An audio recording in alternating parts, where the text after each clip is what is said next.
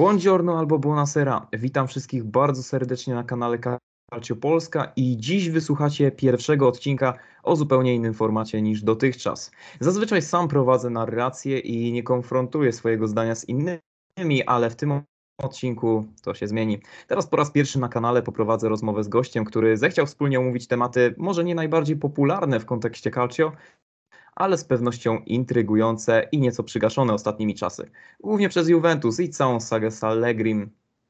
Moim rozmówcą jest Aleks Czepukowski, który prowadzi kanał na YouTubie, również pieczętowany jego imieniem i nazwiskiem. Zahacza on przede wszystkim o kwestie Milanu, ale również o tematy związane z Calcio.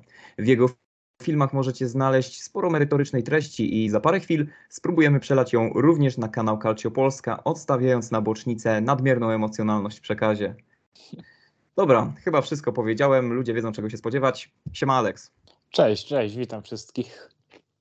Razem przyjrzymy się dzisiaj, jak żeby inaczej, dwóm drużynom, tym razem o mocno odmiennych wykresach formy, choć pomysł na prowadzenie gry jest moim zdaniem mocno podobny. Na tapetę bierzemy Udinese wraz z Fiorentiną, by omówić co tam się właściwie dzieje. Dlaczego drużyny próbujące grać piłkę w podobny sposób osiągają tak różne wyniki? Odpowiedzi na te i inne zjawiska paranormalne, znajdziecie odpowiedź właśnie w tym materiale. Udinese jeszcze przed rokiem na przeciętnym 12 miejscu w lidze, teraz budzi grozę wśród największych sił tej ligi. Fiorentina po imponującym zeszłym sezonie i bardzo dobrym w mojej opinii okienku transferowym notuje przeciętne występy i przeciętne miejsce w lidze wraz z do bólu tragiczną statystyką strzelecką. Październik będzie dobrym momentem, by utrzymać jeszcze dystans względem wieszczenia Scudetto czy finalnego top 4 i skoncentrować na zespołach mocno rzucających się w oczy. Zanim przejdę do konkretów, jak zawsze na wstępie przypomnę tylko o tym, że byłbym bardzo wdzięczny za wszelkie obserwacje, polubienia bądź oceny mojego podcastu. Dla Was to niewielka czynność, ale dla mnie znaczy bardzo wiele. Dziś zachęcam również do zapoznania się z materiałami Alexa, tym razem na YouTubie. Lajki i subskrypcje będą naprawdę mile widziane. Wszystko odhaczone, możemy przechodzić do rozmowy. Jesteś gotów? Oczywiście, jasne, jak najbardziej. Okej, okay. Alex, na moim kanale krytyka jest na porządku dziennym, można by rzec, a więc w związku z tym, że zmienia się dziś forma prowadzenia odcinka, zmienimy też sposób narracji. Zacznijmy od chwalenia i od fali pozytywów, tak by dopełnić przemiany treściowej. Udinese. Pozwoli, że zanim oddam Ci głos, zrobię jeszcze krótkie wprowadzenie, bo na moim kanale nie wypowiadałem się o ekipie z północy i nawet nie przypuszczałem, że zadedykuję im materiał. Warto by było poinformować słuchaczy o tym, dlaczego ta Volta jest tak sensacyjna w środowisku calcio. A jest ona o tyle szokująca, że omawiany klub przez kilka ostatnich lat był symbolem siermierzności i prostoty. Sztandarowym przykładem antyfutbolu i zacofania włoskiej piłki, w czym wina z pewnością Luki Gottiego, byłego szkoleniowca tej drużyny i chyba twojego największego przeciwnika w walce o jakościową włoską piłkę. Obok Allegriego. Charakterystyka gry Udinese z tamtego mrocznego okresu jest banalna w opisie. Niemal cała drużyna się broni w myśl znanego wszystkim Catenaccio i próbuje atakować z kontry dwójką napastników. Drużyna Zebretti stawiała na trzymanie rywali z dala od pola karnego, pozwalając przeciwnikom działać z piłką tak, by wykorzystać ich ewentualny błąd i liczyć na szybkich zawodników z przodu, do których miała trafić piłka. E, co jeszcze? Środek pola, służący jedynie do trzymania piłki bądź wypełniania luk między środkowymi obrońcami. Pozdrawiamy przy okazji Juventus. Nie jesteście wyjątkowi. Ktoś robił to już przed wami. Drużyna zahaczająca regularnie o strefę spadkową, nawiasem mówiąc. Może nie w ostatecznym spojrzeniu na wygląd tabeli, bo jednak ta drużyna dekadę temu zawsze spadała na cztery łapy, lądując na 12 bądź 14 miejscu w lidze, ale zawsze kibice Zebretti czuli nóż na gardle. Jeszcze dwa lata temu Udinese było tylko jedną z wielu ekip w Serie A, nie wyróżniającą się, raczej pogardzano przez kibiców ze względu na tragiczny przebieg meczów, które bardziej męczyły widza kierującego wzrok na telefon niż zachęcały do oglądania różnych frontów Serie A. Rok temu udało się nieco zwalczyć ten trend panujący na meczach Udine, ale to był niestety niewielki, malutki, półroczny promyczek przebłysku, dający nadzieję na lepsze jutro. Na szczęście ten promyczek rozświetlił najbliższą przyszłość do granic możliwości. Po w zasadzie trzech miesiącach doświadczamy niesamowitej metamorfozy tej północnej ekipy. Powiem szczerze, że na początku byłem w szoku, widząc, co ta drużyna wyprawiała. Nienawidziłem jej przez ostatnie lata, cisnąłem ją, wyszydzałem, życzyłem jej spadku. No po prostu nie mogłem na to patrzeć, delikatnie rzecz ujmując. A teraz na stojąco im biłem brawo po tym, jak strzelili bramkę na 3-1 z Interem, Joga Bonito z Romą, pojazd po Sassuolo. Alex, no no świetnie ogląda się tą drużynę. Patrzę na nią i jaram się. Uśmiech od ucha do ucha. No i na widok ich zaangażowania, poświęcenia, walki po prostu uśmiecham się, nic innego mi nie pozostaje. Poruszające obrazki z końcowych minut, interakcja z publicznością, gotowość do niezwykle wymagającej gry. Pal 6 otoczkę, ale u większości piłkarzy objawiły się tak niez, niezwykłe zdolności, których w ogóle bym się nie spodziewał po kopaczach z poprzednich sezonów. Niesamowite, ile zdolnych postaci nam się wyłania z ciemności. Niezmiernie się cieszę, że podjąłeś ze mną współpracę i postarasz się po części mi, ale głównie słuchaczom wytłumaczyć, na czym polega fenomen Udinese z tych ostatnich trzech miesięcy.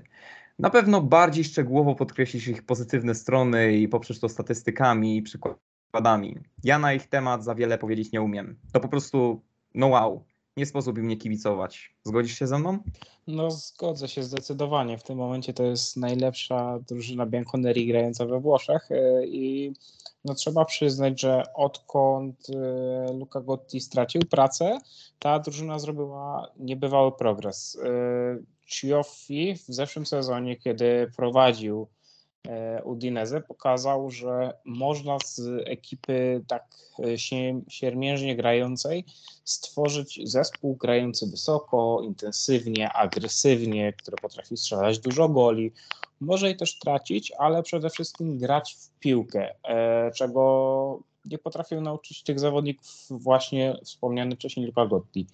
I teraz tam w gabinetach E, poszli za ciosem i uznano, że najlepiej wziąć trenera, który będzie w stanie dać dalej intensywność, grę ofensywną, opartą o wysoki pressing, raczej yy, taką grającą w doskoku, która potrafi bardzo szybko odebrać piłkę i coś z nią zrobić. Potrafi też rozgrywać tą piłkę. Tutaj yy, najlepszym przykładem tego był mecz z Romą, kiedy no, piłkarze Bianconeri po prostu bawili się piłką i potrafili strzelać z tego gole. I no, dla niektórych jest to zaskoczenie, że tak gra, e, tak ta drużyna gra i też jestem w tym pociągu, też byłem strasznie zaskoczony. Natomiast teraz z każdym tygodniem coraz bardziej myślę, że to jest drużyna na Europę i tego nie można się wstydzić. Mhm. Do tematu właśnie Europy i do no, szans Udinese w europejskich pucharach jeszcze wrócimy, bo to jest niezwykle ciekawy temat do dyskusji, ale może zadam Ci na początku mm, pytanie odnośnie trenera, bo e, powiedziałeś o, o Sotilu, że on będzie kontynuował to, to, co poprzednio e, robił trener Cioffi. I w zasadzie zastanawiam się, dlaczego ta zmiana, dlaczego nagle Cioffi postanowił opuścić, znaczy opuścić, Dlaczego zwolniono go e, z tej drużyny? Przecież on razem z Sotilem, jak tak sobie przeanalizujemy ich sposób gry, e, a raczej prowadzenia zespołu, no to oni e, mają bardzo podobny pomysł na prowadzenie, prowadzenie gry. Są agresywni, ich drużyny są agresywne, z pewnością odważniejsze, tak jak mówiłeś, stawiają na pressing, co było właśnie widać w meczu z Romą czy, czy, czy Weroną, bo ten mecz uważam, że szybko został zapomniany a moim zdaniem był kompendium wiedzy, do czego chciałbym jeszcze e, powrócić potem. E, no i właśnie, no i ten Ciofi został zwolniony po poprzednim sezonie i został zatrudniony Sotil. E, moje pytanie to jest, czy nie uważasz czasem, że Ciofi w, w tamtym starciu, generalnie w starciu Werony z Udinese, nie zaprezentował się czasem lepiej jako, jako trener, bo tutaj ta zmiana tego trenera jest niezwykle dla mnie istotna, ponieważ, no jak mówiłem, te różnice są naprawdę wielkie między, między moim zdaniem oczywiście między Sotilem a, e, a Ciofim. E, a jak został Ciofi e, potraktowany? No został zesłany praktycznie do Elasu, który jest rozczłonkowany, zniszczony. Oczekiwali od niego, że on z tej drużyny poskleja nie wiadomo co. No i koniec końców oczywiście go teraz niedawno zwolnili, ale czy nie uważasz, że ta kariera Ciofiego potoczyła się w sposób no, mocno niesprawiedliwy. Czy Cioffi nie powinien zostać jeszcze na, e, na stanowisku e, na stanowisku trenera Udinese? No oczywiście wiemy, wiadomo jak jest. E, zaraz ludzie się obruszą i powiedzą, że, że no jak to, no przecież Sotil wygrywa, Sotil robi to, tamto, przecież ta, na tą drużynę w ogóle się da patrzeć, bo sytuacja między tymi trenerami jest taka, że obaj w zasadzie w zasadzie tak weszli znikąd, można powiedzieć. Cioffi się pojawił po Gottim, bo był po prostu w sztabie, e, no i wyszedł praktycznie z tego klubu, nikt nawet tego nie zauważył i Sotil też. Gość znikąd nagle zostaje, e, zostaje szkoleniowcem Udineze i nagle coś się dzieje. Mm, jak uważasz, ci trenerzy są w gruncie rzeczy do siebie podobni, czy, e, czy niesłusznie ich w ogóle porównuję i mówię, że Cioffi niesłusznie został zwolniony z Udineze?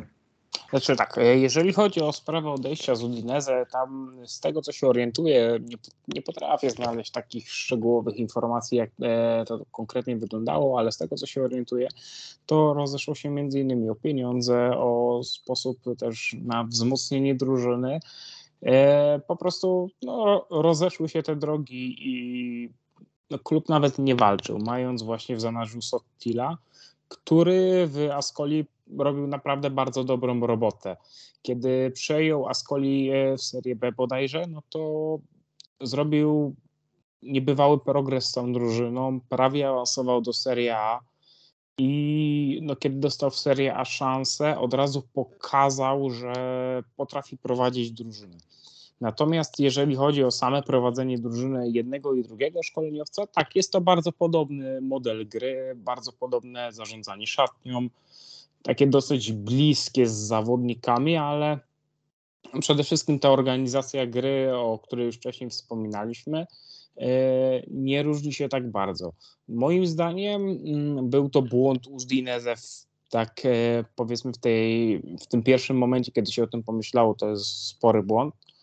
Zwalnianie trenera, z którym idzie, niedogadanie się z nim. Natomiast z czasem no, ta decyzja się broni. Sotil pokazał, że po prostu potrafi w lepszym klubie, a Ciofi no, trafił na pechowy moment w Hellasie, kiedy e, ta drużyna, ta drużyna i ten klub zostały nieco zdegradowane, jeżeli chodzi o jakość, bo tam Igor Tudor robił fenomenalną robotę i teraz pokazuje to dalej w Marsylii, że to jest fenomenalny szkoleniowiec i spodziewałem się, że Ciofi, kiedy pójdzie do tego Hellasu, no to będzie w stanie dać to samo, co dawał w Udineze. Oczywiście z gorszymi piłkarzami, ale ta organizacja gry była na tyle dobra i nietuzinkowa we Włoszech, że spodziewałem się sporej jakości. Gdzie też spojrzymy sobie na szczegółowe statystyki, między innymi na FRF,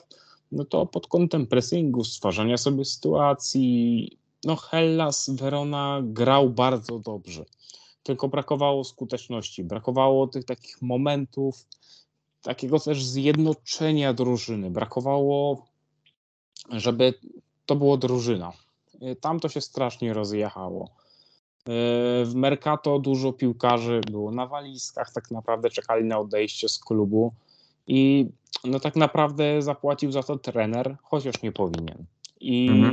to jest moim zdaniem troszeczkę przykre, bo ten trener będzie miał już teraz w swoim stylu zwolnienie, na co nie do końca zasłużył, patrząc na to, jaką robotę zrobił wcześniej i jaką robił tu. Tu zabrakło tak naprawdę tylko i wyłącznie albo i aż wyników. A czyli uważasz, że generalnie został niesprawiedliwie, można powiedzieć, mm, zwolniony z Werony, że, że to jest ewidentnie wina właściciela, bo ja na przykład uważam, że to jest totalnie wina właściciela. Po pierwsze, że rozmontował tą drużynę, E, no, pozbył się praktycznie kluczowych zawodników, a po drugie, no teraz e, w momencie, kiedy pojawił się szaleniec, który chciał e, kleić, kleić ten zespół, to nagle po prostu go zwolnił. No, wyniki były takie, jakie były, ale no to był chyba jedyny człowiek, który jakoś, jakościowo dawał, dawał radę.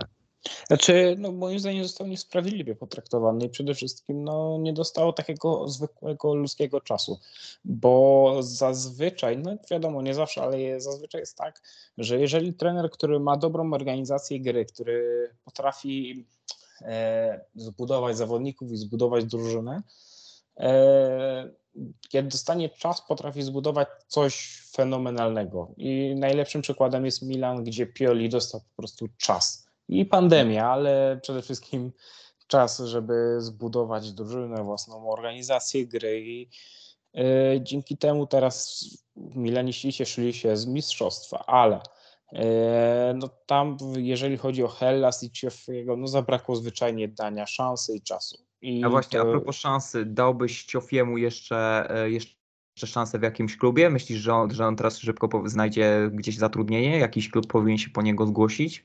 E, na chwilę obecną, gdybym miał typować jakiś klub, to byłoby Torino, bo mhm. nie jestem pewien, czy Iwan Juric wytrzyma kolejny sezon w tym klubie.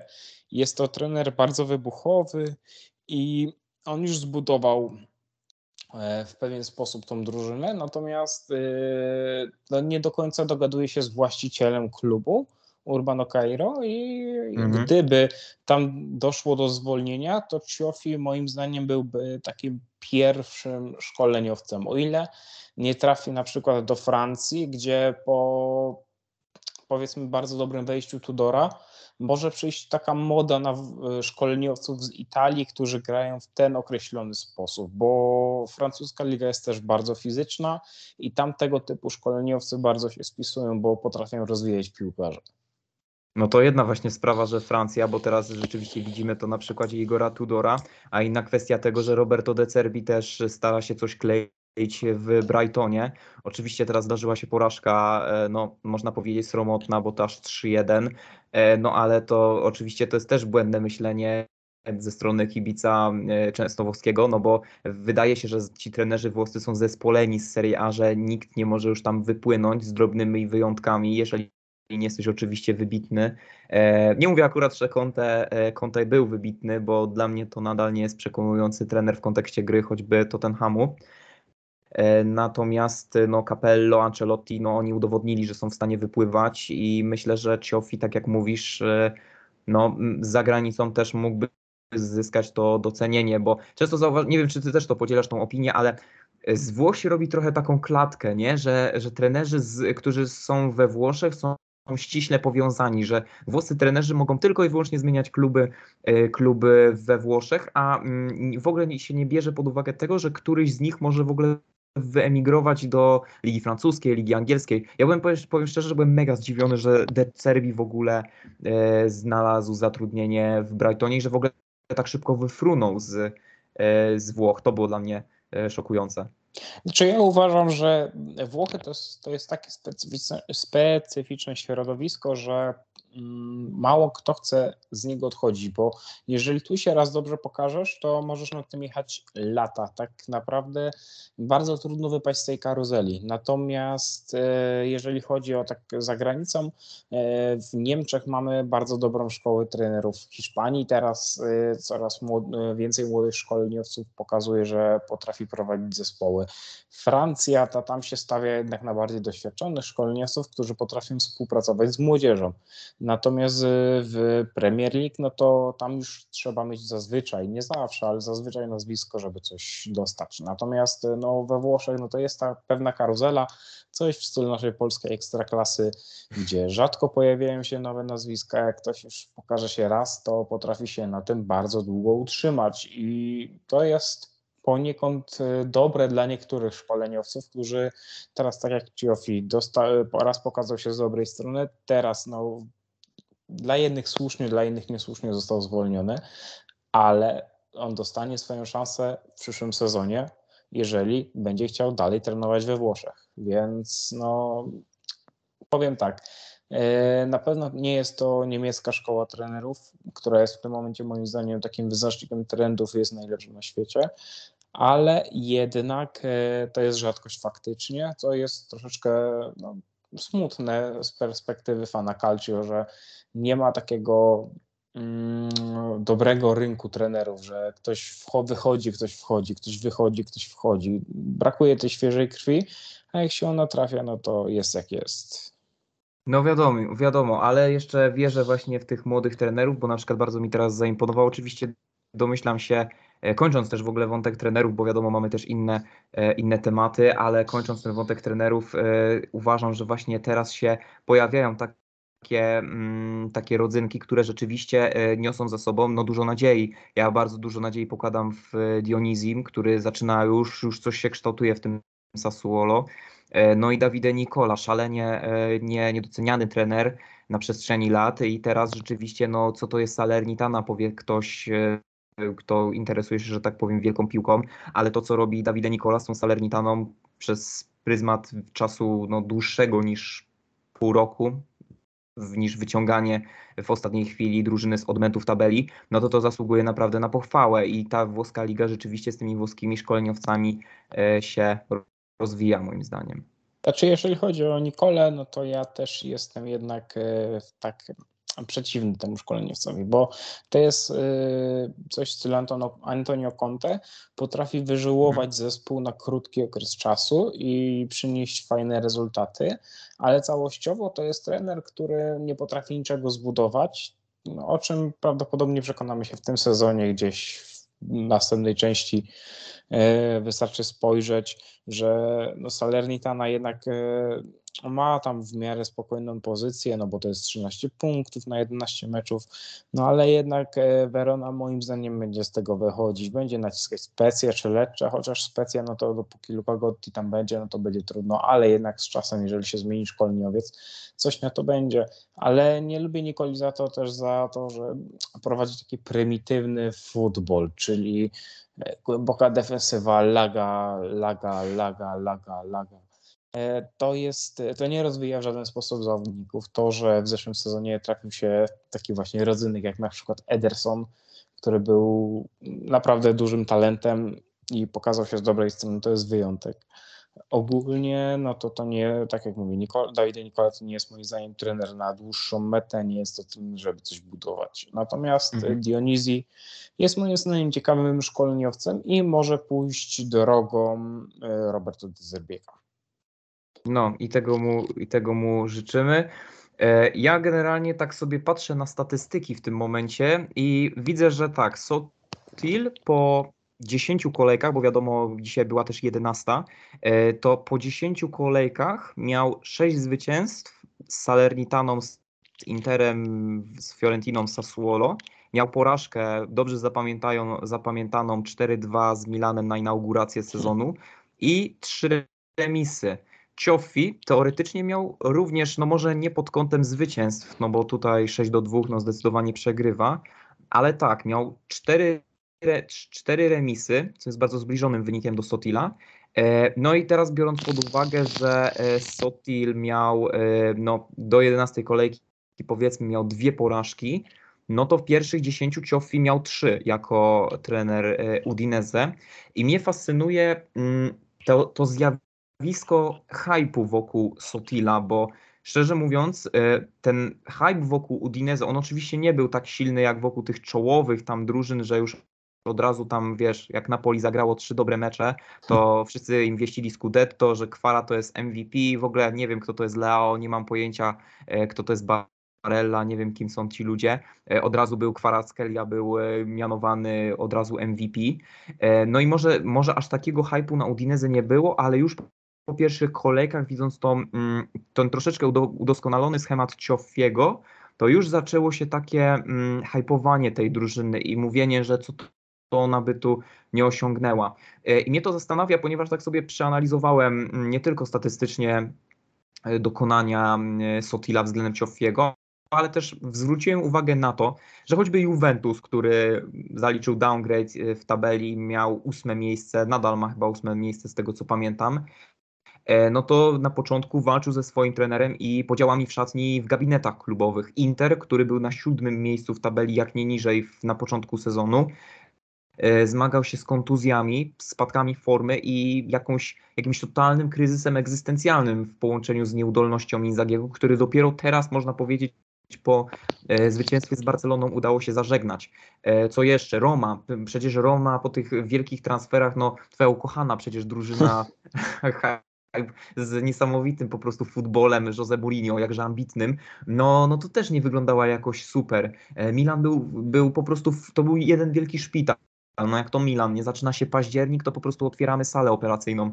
E, czy zgodziłbyś się ze stwierdzeniem, że ta wysoka pozycja Udinese, no wiadomo, teraz to jest piąta pozycja ale do pewnego momentu oni byli nawet drudzy czy trzeci w tabeli, nie? To czy ona jest podyktowana słabością tych czołowych drużyn, że to jest tylko i, wyłą- tylko i wyłącznie czy to jest właśnie spowodowane tym, że te drużyny zmagały się z kryzysem, właśnie te, które kojarzymy ze światem, e, ze światem Calcio? Co jeśli to Udinese w ogóle jest dobre ze względu na to, że ta czołówka Serie A e, nie dojeżdża, że mają zadyszkę? No pamiętajmy o tym, że oni grają co trzy dni, e, że jest Liga Narodów, gdzie grało wielu czołowych zawodników z tych klubów z Serie A, które no, są, powiedziałbym, takie reprezentacyjne dla, dla tej ligi. No bo ja na przykład szczerze wątpię, że ktokolwiek z dołu Serie A, właśnie z takich drużyn jak teraz Udinese czy, czy, czy innych no, zbliżonych do Zebrettich ekip, e, miało, miało zawodników, którzy rzeczywiście brali czynny udział w tej choćby Lidze Narodów, nie? O, o pucharach, pucharze Włoch, Copa Italia, to ja nawet nie wspomnę, nie? Oni też nie grają w europejskich pucharach. E, więc to też trzeba wziąć pod uwagę, czy, czy ten wielki wysiłek e, i kontuzje, jakie się pojawiły na szczycie, nie sprzyjały czasem właśnie rozwoju tych, rozwojowi tym, tych pomniejszych organizacji, nie? E, I to mnie mocno ciekawiło, czy, czy ten hype, e, czy ten hype na Sotila i Udinese nie był tak sztucznie podbity przez e, problemy czołowych drużyn. Powiem tak, moim zdaniem, tak podsumowując pytanie, nie. Udinese swoją grą mm, pokazało, że jest zespołem, który bardzo ciężko przede wszystkim pokonać bo mm, w pewnym momencie tam było chyba 5 bądź 6 zwycięstw z rzędu. E, bardzo dobra gra. I pytasz, czy to jest pokłosie słabszej formy i kontuzji tych czołowych mhm. drużyn? Mm, ja jestem zdania, że no przede wszystkim e, ta drużyna grała w taki sposób, e, w tak intensywny w pewnym momencie sposób grała, że inne drużyny nie potrafiły tego, temu dorównać. E, Sotil e, bardzo, przepracował, bardzo ciężko przepracował ten okres przygotowawczy ze swoim zespołem. E, tam w Udinese bardzo trudno się też trenuje. Tam jest bardzo wysoka intensywność treningów i to się po prostu później przekładało na mecze. I dzięki temu, że ta drużyna tak grała, E, po prostu potrafiła punktować i nie łączyłbym tego ze słabszym punktowaniem czołowych drużyn, bo gdy spojrzymy na przykład na to, na którym miejscu jest na przykład Napoli. Napoli ma w tym momencie 26 punktów. To jest bardzo dobry wynik na 11 kolejek. Milan też 26 punktów.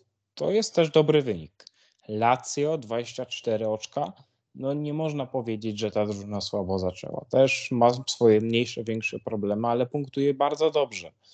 Inter miał oczywiście kryzys, teraz zaczął punktować, chociaż gra dużo gorzej, moim zdaniem, ale jednak punktuje dużo lepiej.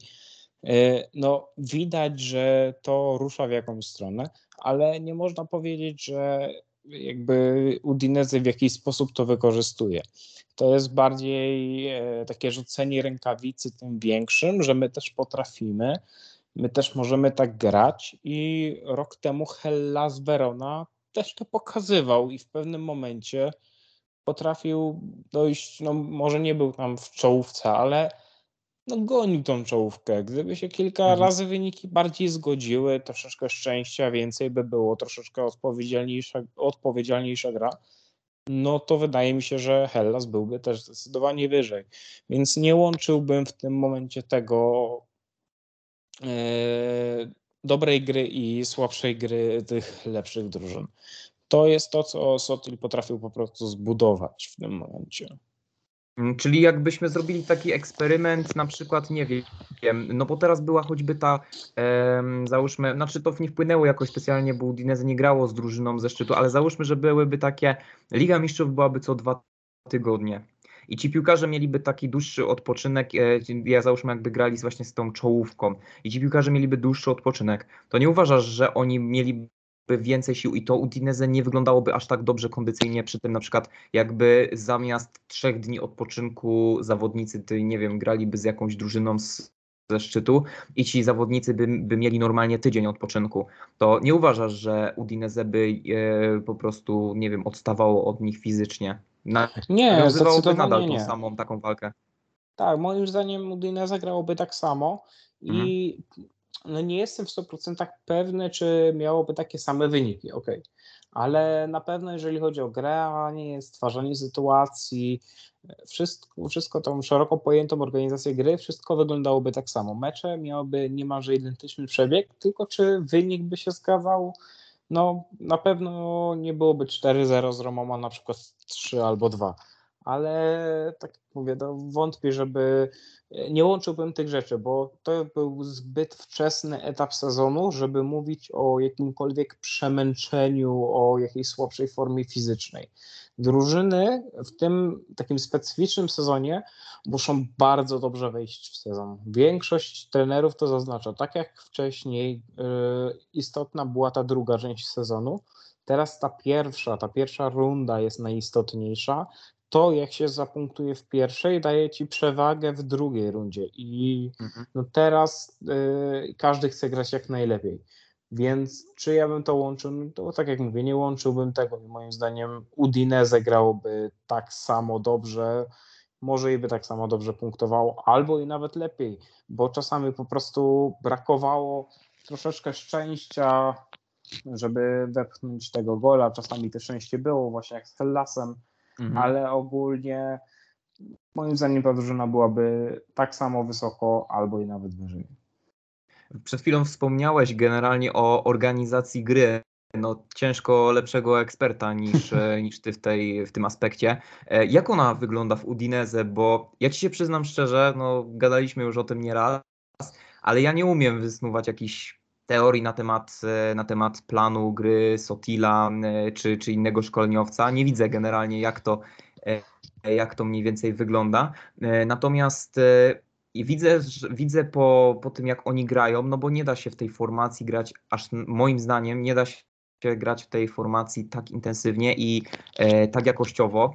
E, no i wiadomo, co mi kiedyś mówiłeś, że formacja to tam jest tylko umowna kwestia, że wszystko, wszystko omawiają trenerzy. Nie?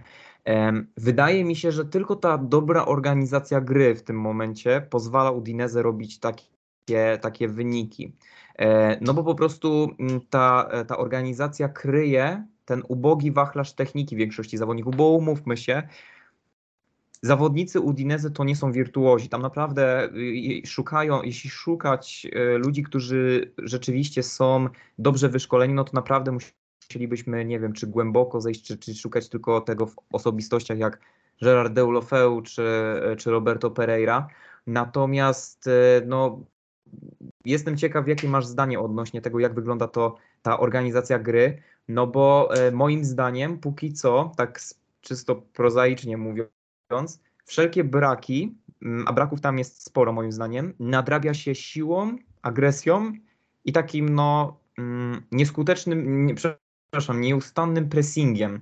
E, więc e, jak, trochę to jest tak jakby w myśl zasady nie umiesz grać pięknie, to chociaż biegaj skutecznie. Nie? To, to jest moja zasada, którą wymyśliłem na potrzeby tego odcinka, ale tak to mniej więcej wygląda. To Udinese jest bardzo silne w pressingu i jest świetnie przygotowane fizycznie. Czy rzeczywiście to jest, na tym się skupia ta cała organizacja gry, czy jest tam może coś więcej? E, jeżeli chodzi o organizację gry Udinese, e, na pewno warto zwrócić uwagę na to, e, gdzie mniej więcej toczą się mecze Udinese. To jest głównie środek pola. Udinese stara się nie dopuszczać rywali do swojej pierwszej tercji, a gdy już tej drugiej tercji, tej środkowej części boiska przejmie piłkę, stara się jak najszybciej przejść do ataku. Nie zawsze się to udaje, kiedy rywal się dobrze zorganizuje. Potrafią przejść w atak pozycyjny, bardzo szybko rozrzucać piłkę po obu stronach i znaleźć jakąś dziurę.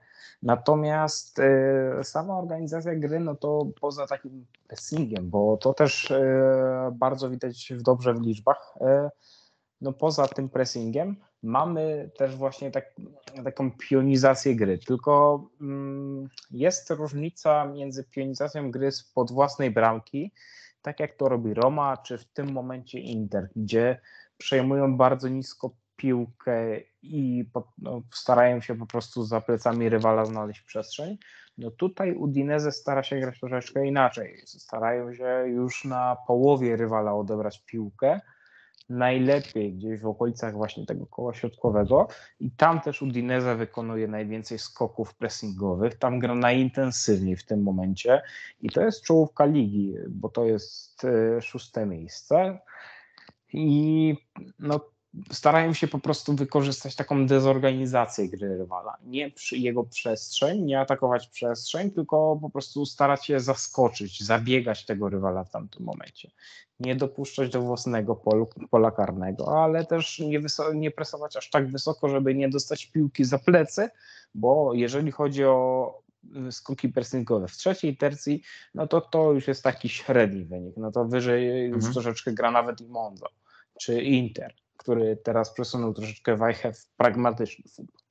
Więc tak jak mówię, to jest taka gra bardzo intensywna, ale w, głównie w środku pola, gdzie po prostu łatwo znaleźć zdezorganizowanego rywala. Czyli środek pola według Ciebie jest taką największą siłą e, Udinese i no praktycznie no on się najbardziej wyróżnia spośród wszystkich tych, e, że tak powiem, części e, tej, że znowu użyję tego słowa, formacji e, Sottila, że najbardziej czego rywale powinni się obawiać to pracy środka pola Zebrettich. Tak, no moim zdaniem, e, gdy grasz z Udinese, to albo wysoko atakujesz, albo bardzo nisko bronisz, bo wtedy ta drużyna czuje się najmniej komfortowo. Co było widać z Milanem, kiedy właśnie po wyższym pressingu tracili gola, między innymi po pressingu Brahima Diaza, który odebrał piłkę bardzo wysoko i wymusił błąd. Mhm.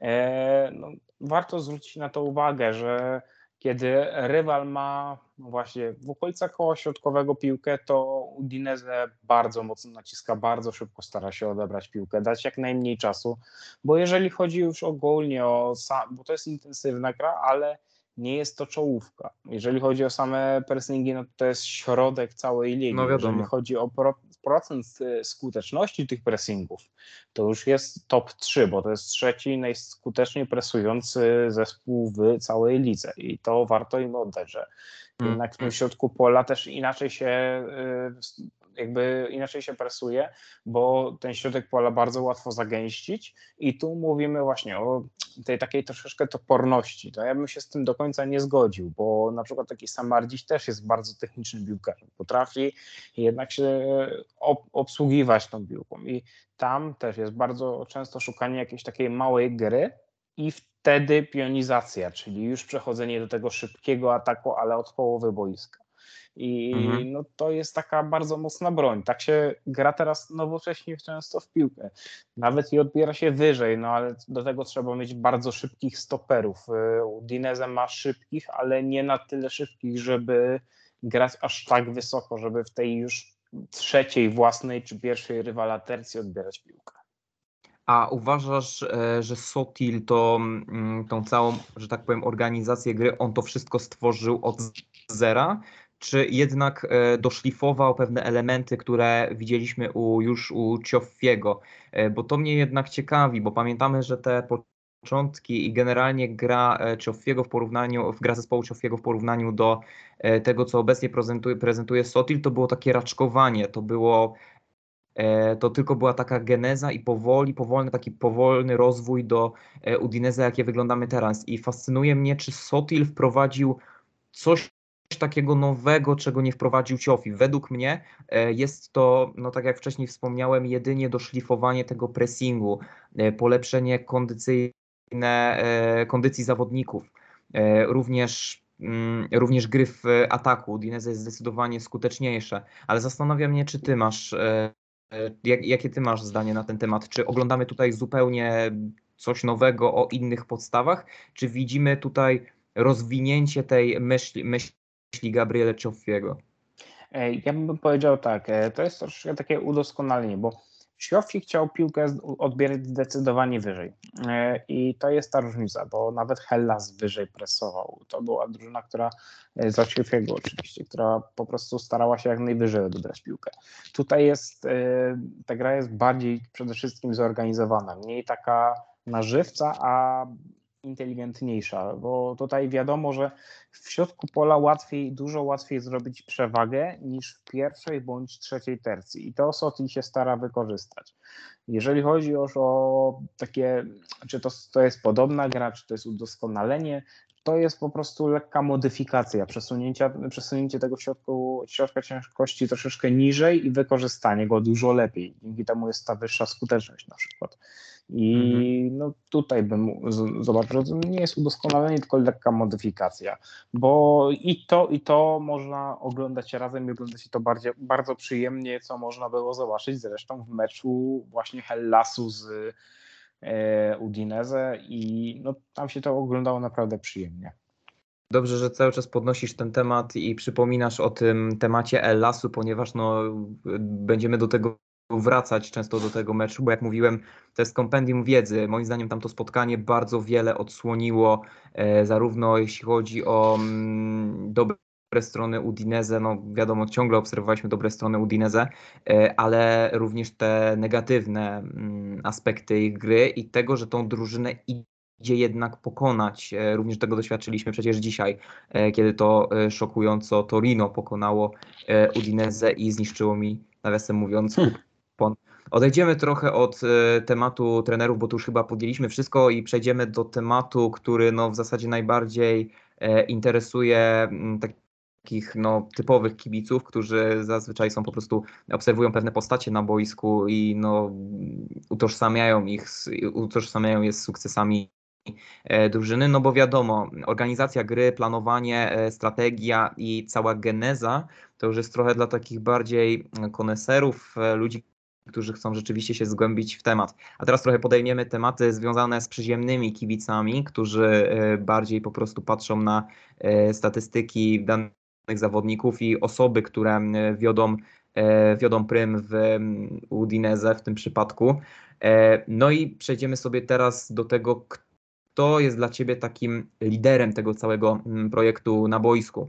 Wiadomo, że mamy tych dwóch liderów i wiadomo, że w najbardziej bardziej jaś, najjaśniej błyszczy oczywiście, jak żeby inaczej, jak to bywa, napastnik, czyli Gerard Deulofeu, e, który dokonuje czegoś, co w sporcie bardzo rzadko się zdarza, a mianowicie rozkwita po kontuzji, po której zazwyczaj zaczyna się mm, zjazd.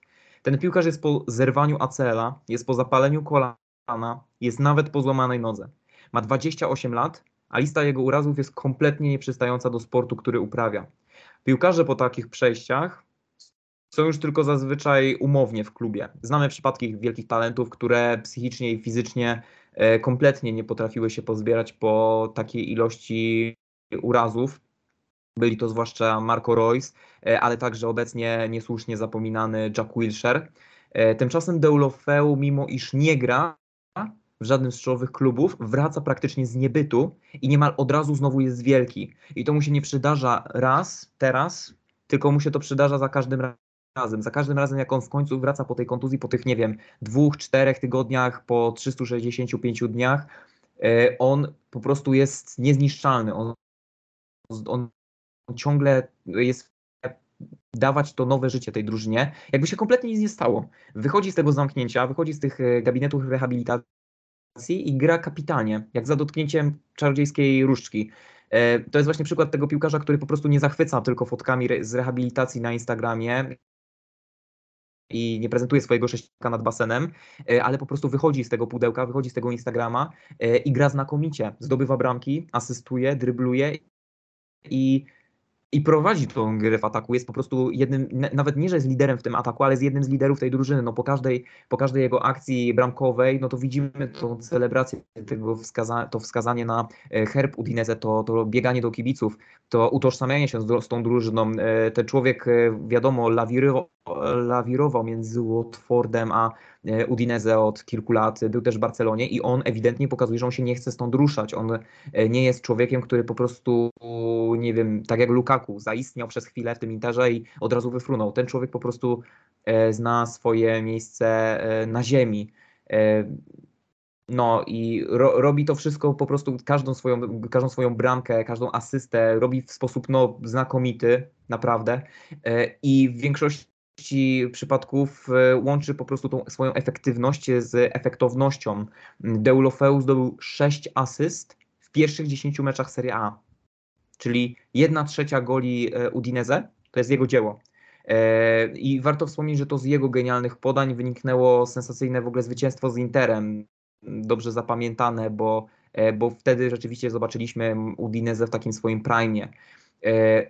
Deulofeu ma też zdolność takiego podpinania e, pod tlen swojej drużyny, co widzieliśmy choćby w rywalizacji e, z Atalantą. To jest człowiek, który w momencie, kiedy robi się źle, to nie jest tylko gwiazdor, to nie jest wizytówka, że ją podajesz i po prostu widzisz, a jak jest Deulofeu, to wygrywamy.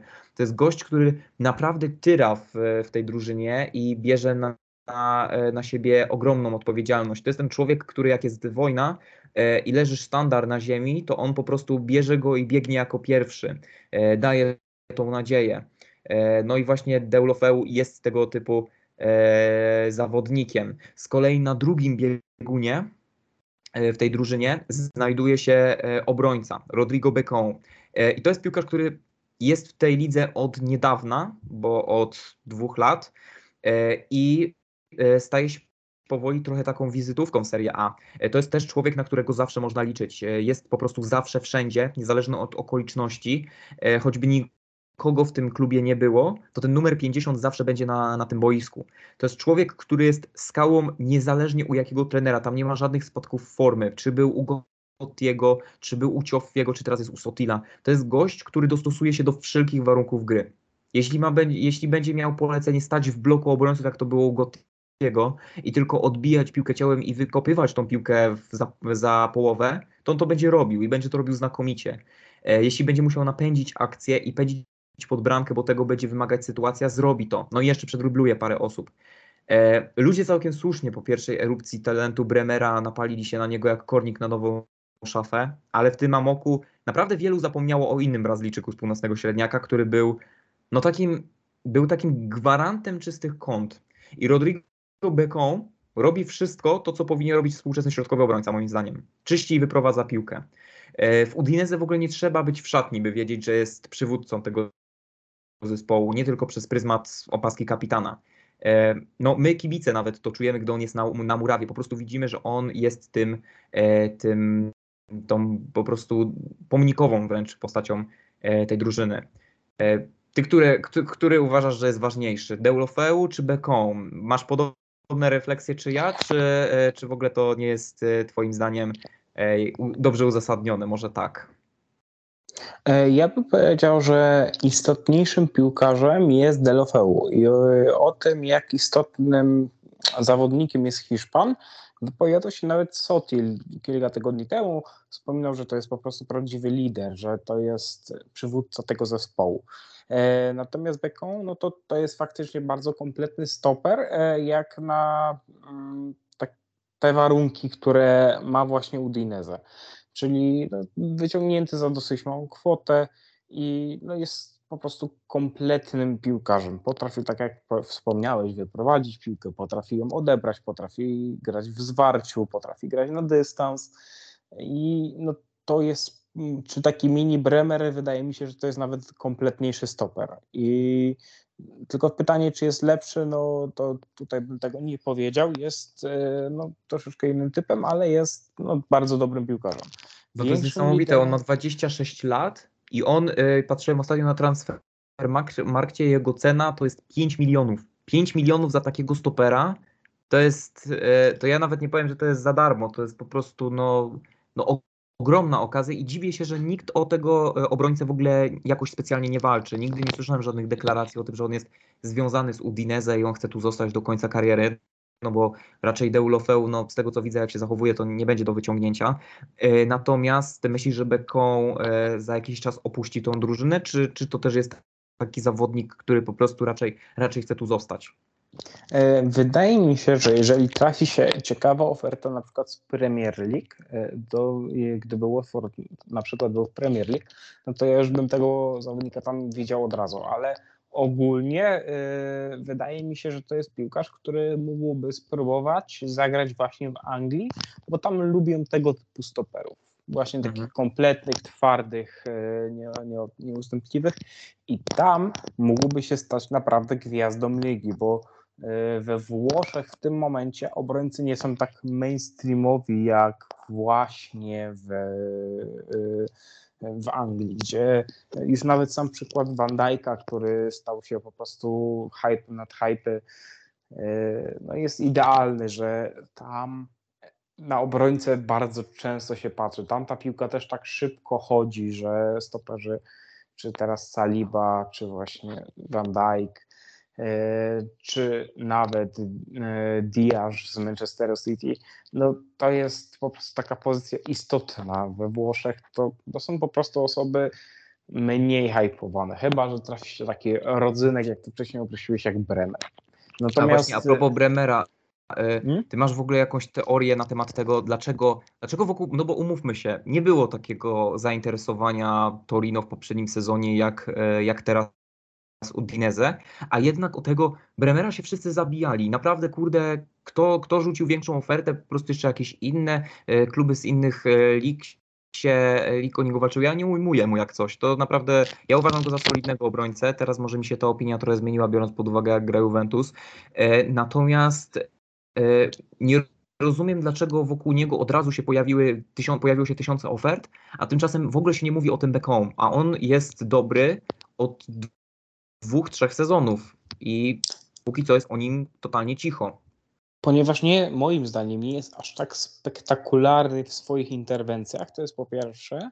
E, po drugie, e, Bremer był bardziej medialny, ponieważ grał właśnie w Torino, gdzie tam jest Urbano Cairo, który jest szefem gazety bądź właścicielem.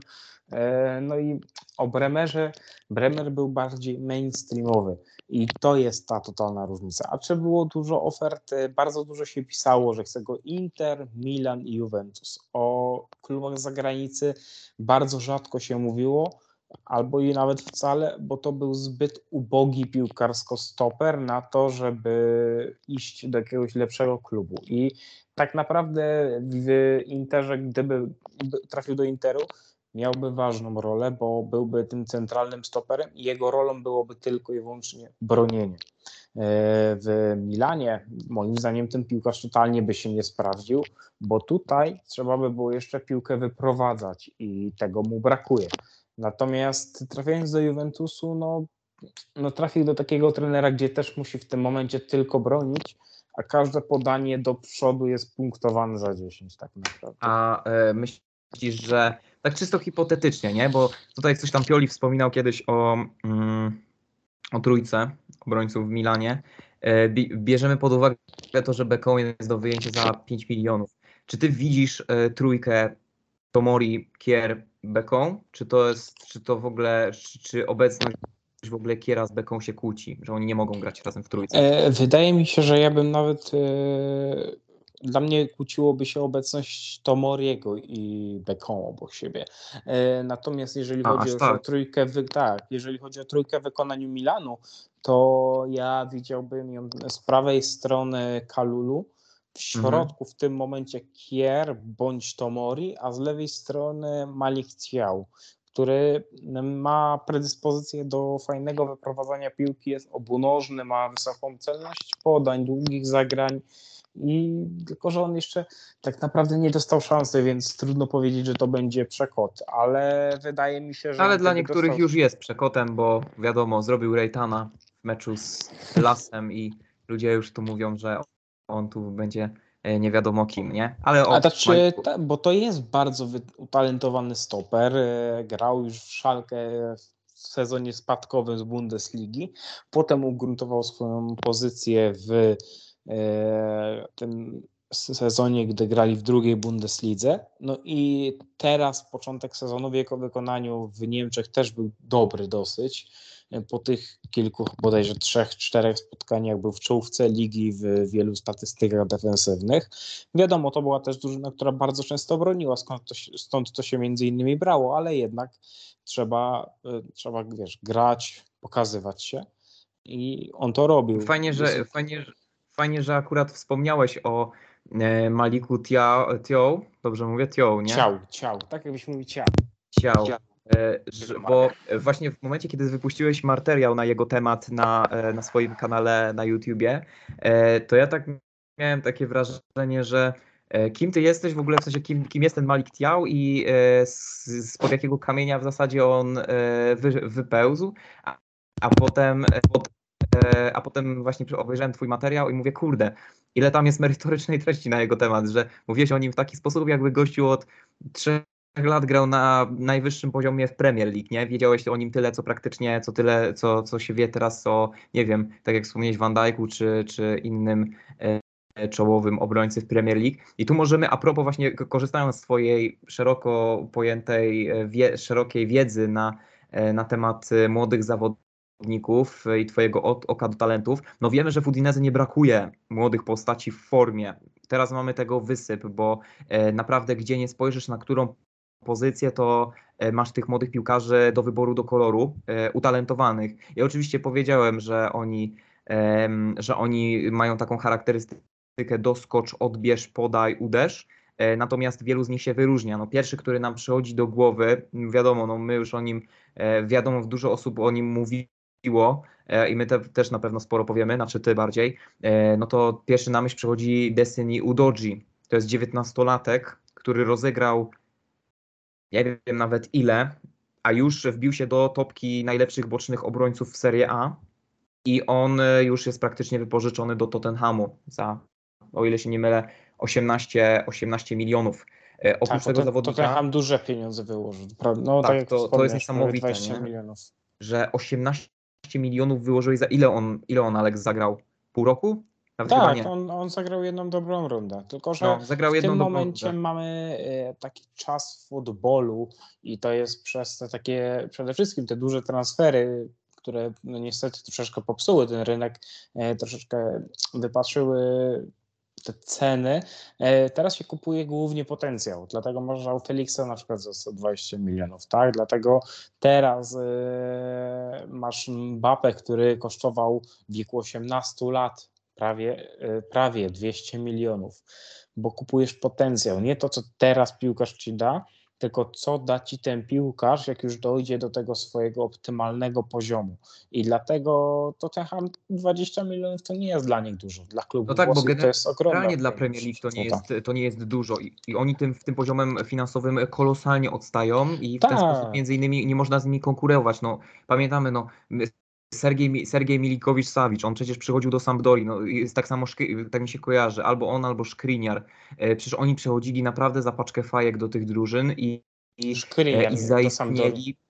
Tak, to Szkriniar do Sampdori. On mhm. przychodził naprawdę praktycznie za nic, za żadne pieniądze, e, a, a teraz jest w czołowej, w, w czołówce stoperów Serie A, więc najwyraźniej da się też kupować takich, takich młodych zawodników za niewielkie pieniądze. No Udinese teraz jak się przypatrzymy na transfermarkcie, to naprawdę oni, e, tych swoich zawodników, którzy teraz brylują, to oni naprawdę są za, z jakichś e, bardzo takich, no niewielkich klubów. No, Jean-Victor Makengo, ten byk w środku pola, 20, 24 lata, on ma 60, on waży 67 kilo, ale jest po prostu bestią w tym środku.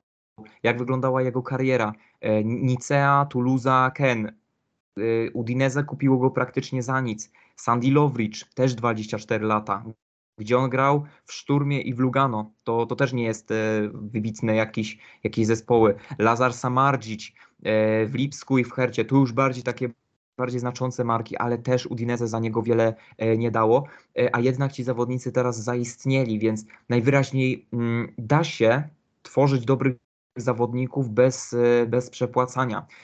I, I tu moim zdaniem Premier League no, strasznie psuje, psuje futbol, dając po prostu tak takie kolosalne kwoty za takich młody, za takich zawodników, którym po prostu często również z tego powodu odwala, no bo jak się możesz czuć, e, kiedy jak się okazuje twoje życie, twoje nogi są warte 19 milionów, nie? No to, to, to jest naprawdę, to jest niesamowite, to, to jest pół budżetu Tadżykistanu, można, można no powiedzieć. No wiesz, no tak naprawdę polscy menedżerowie narzekają na to, że e, teraz bardzo E, menedżerowie, ale przede wszystkim trenerzy po rozmowach z menedżerami narzekają, że e, teraz bardzo trudno kupić młodego Polaka, bo potrafi graczy na takim przyzwoitym poziomie strzelam. Trzecia liga w wieku 19 lat i już jest warty, wie, wart naprawdę dużych pieniędzy, jak na polskie standardy, tylko i wyłącznie dlatego, że jest deficyt tych piłkarzy i no, płaci się właśnie za potencjał. Jeżeli też spojrzymy e, ogólnie na Udinezę globalnie, to jest klub, który od sezonu 19-20 zarobił 222 miliony na transferach i to też pokazuje, że no, on, to jest nie, nie bez powodu ci młodzi piłkarze tam przychodzą. Tam się przychodzi, żeby się rozwinąć i iść dalej. I no, nawet taki Rodrigo de Paul, który był przez kilka lat, no, kilka lat no, był przede wszystkim yy, dwa sezony temu jednym z najlepszych pomocników w ogóle w całej Italii. Pokazywał sporą jakość, fizyczność, był naprawdę kompletnym zawodnikiem poszedł do Atletico Madryt i się tam odnalazł. Teraz oczywiście ma swoje problemy, ale w początkowej fazie po tym transferze to był przechotem tak naprawdę. Mhm. Więc y, no, tam warto iść w tym momencie. Ta lista młodych piłkarzy, no to jest fenomenalne to, jak się rozwijają ci zawodnicy w barwach Udinese, bo tam się po prostu na nich stawia, to jest po, po pierwsze, a po drugie w tym momencie gra się w taki futbol, że ci piłkarze jeszcze łatwiej się mogą wyeksponować. Lazar Samardzic to jest 20-letni piłkarz.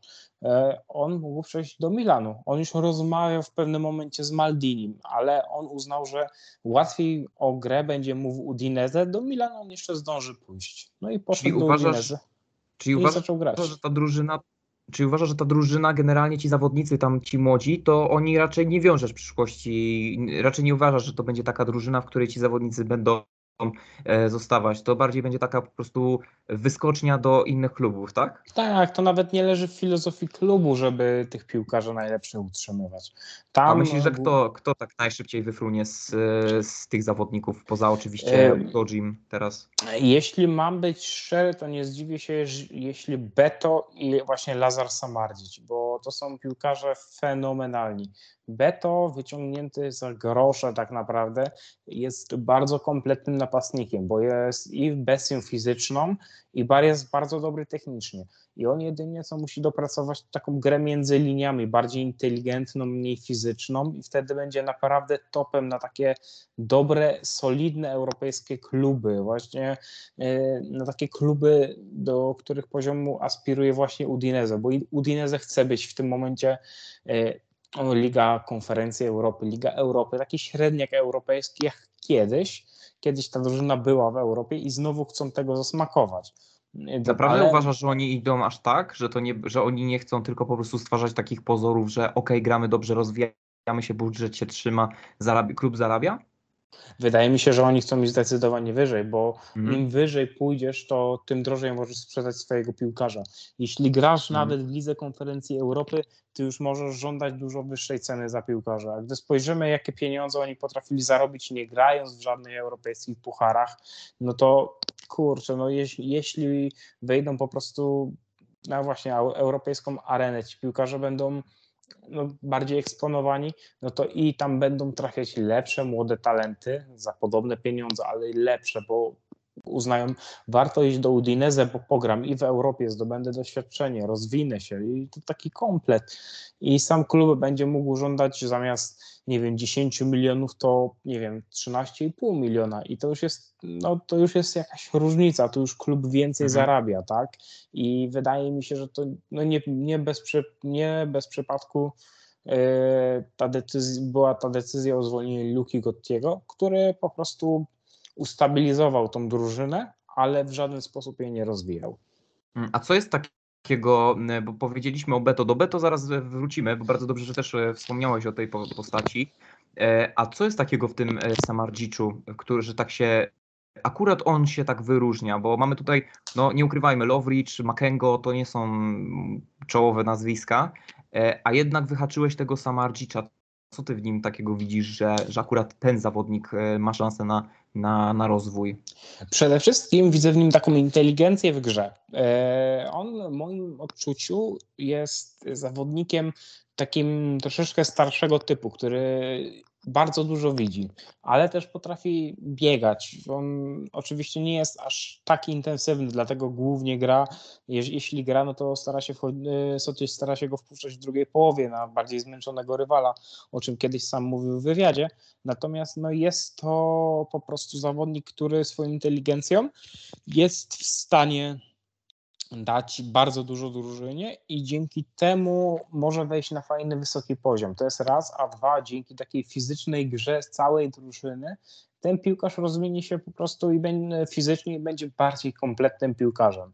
Lewonożny, kompletny środkowy pomocnik będzie w cenie, o ile dojdzie do tego poziomu takiego kompletnego, faktycznie kompletnego pomocnika, bo w tym momencie brakuje mu jeszcze troszeczkę tej intensywności, ale po na przykład całym sezonie, kiedy będzie stopniowo jeszcze bardziej wchodzić w ten zespół, no to moim zdaniem będzie w stanie wejść na taką europejską, na ten może nie europejski top, ale na ten europejski poziom. To jest też wychowanek bodajże szkółki RB, gdzie też nie trafiają przypadkowi zawodnicy, więc to też na pewno jest jakiś plus do tego zawodnika. Kolejna mhm. sprawa, interesował się nim Milan i tak, teraz sobie sprawdziłem, faktycznie był w Lipsku, yy, przeszedł tam z Herty Berlin do Lipska i jest powiedzmy częściowo produktem RB. Interesował się nim Milan, a wiadomo jak trwa, jak wygląda proces rekrutacji piłkarzy w Milanie. Tam nie, nie bez przypadku trafiają poszczególne jednostki.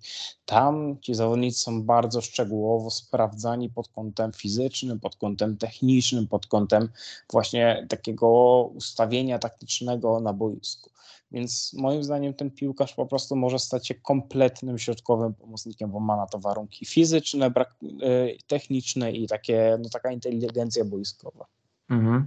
A tak na szybko jeszcze tutaj, e, zanim przejdziemy do tematu Beto i jego roli, tak na szybko. Kupujesz e, Udodziego, jego póki co grę i, e, i wierzysz w niego, czy to jest e, jeszcze za wcześnie? Ja uważam, że to jest za wcześnie i ten zawodnik nie jest, e, nie jest jeszcze na tyle przekonujący, żeby w ogóle e, patrzeć na niego przez pryzmat, e, nie mówię, że jakiejś przyszłej kariery, ale w ogóle inwestowania w niego 18 milionów. Jestem ciekaw, jak ty się zapatrzy. Ja jestem zdania, że on jest wart tych pieniędzy pod kątem potencjału fizyczno-taktycznego. To znaczy, teraz bardzo często się gra wahadłami.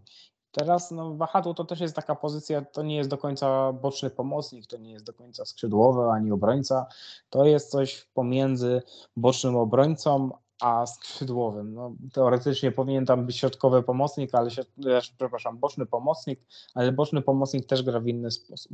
To jest taki typowy przykład, taki idealny, jak powinien wyglądać wahadłowy, czyli bardzo dobry fizycznie, technicznie, jest na wysokim poziomie, ale to nie jest jednak jego najlepsza cecha.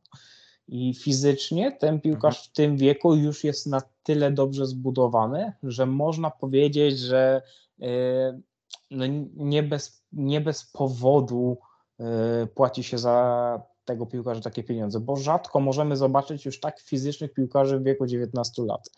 Y, jeżeli dołożymy do tego lepsze poruszanie się na boisku, bo to jest piłkarz, który porusza się podobnie do Teo Hernandeza przechodzącego do Milanu.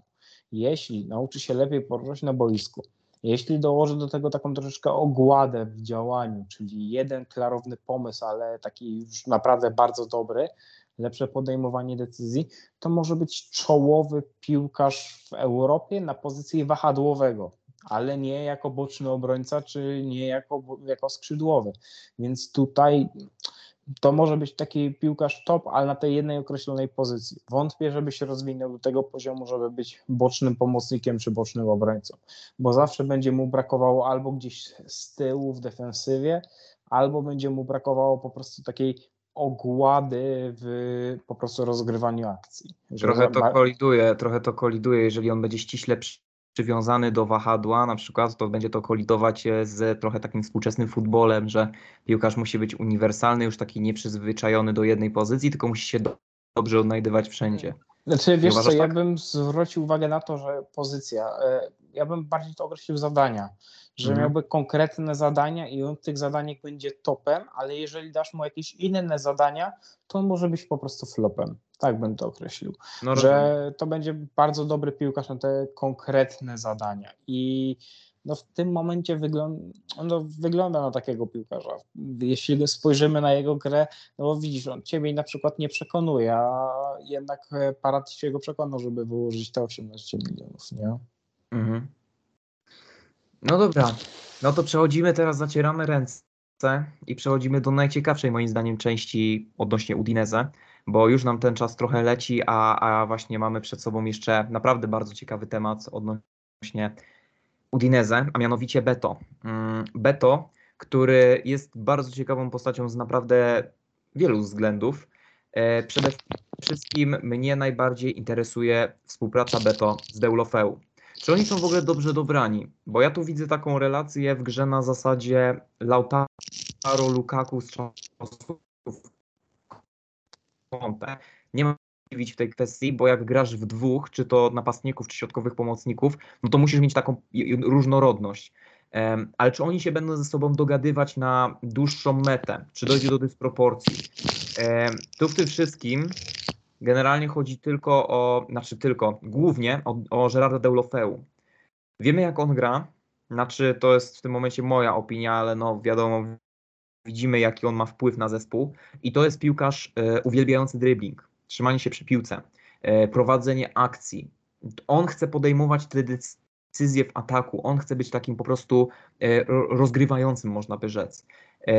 To nie jest oczywiście piłkarz egocentryczny, tak do bólu jak Zaniolo, ale widać, że e, Deulofeu chce zaznaczać swoją pozycję w ataku. E, nawet mimo tego, że nie robi tego świadomie, e, czy, czy robi to nieświadomie, czy świadomie, to wszystko to nie ma jakby większego znaczenia.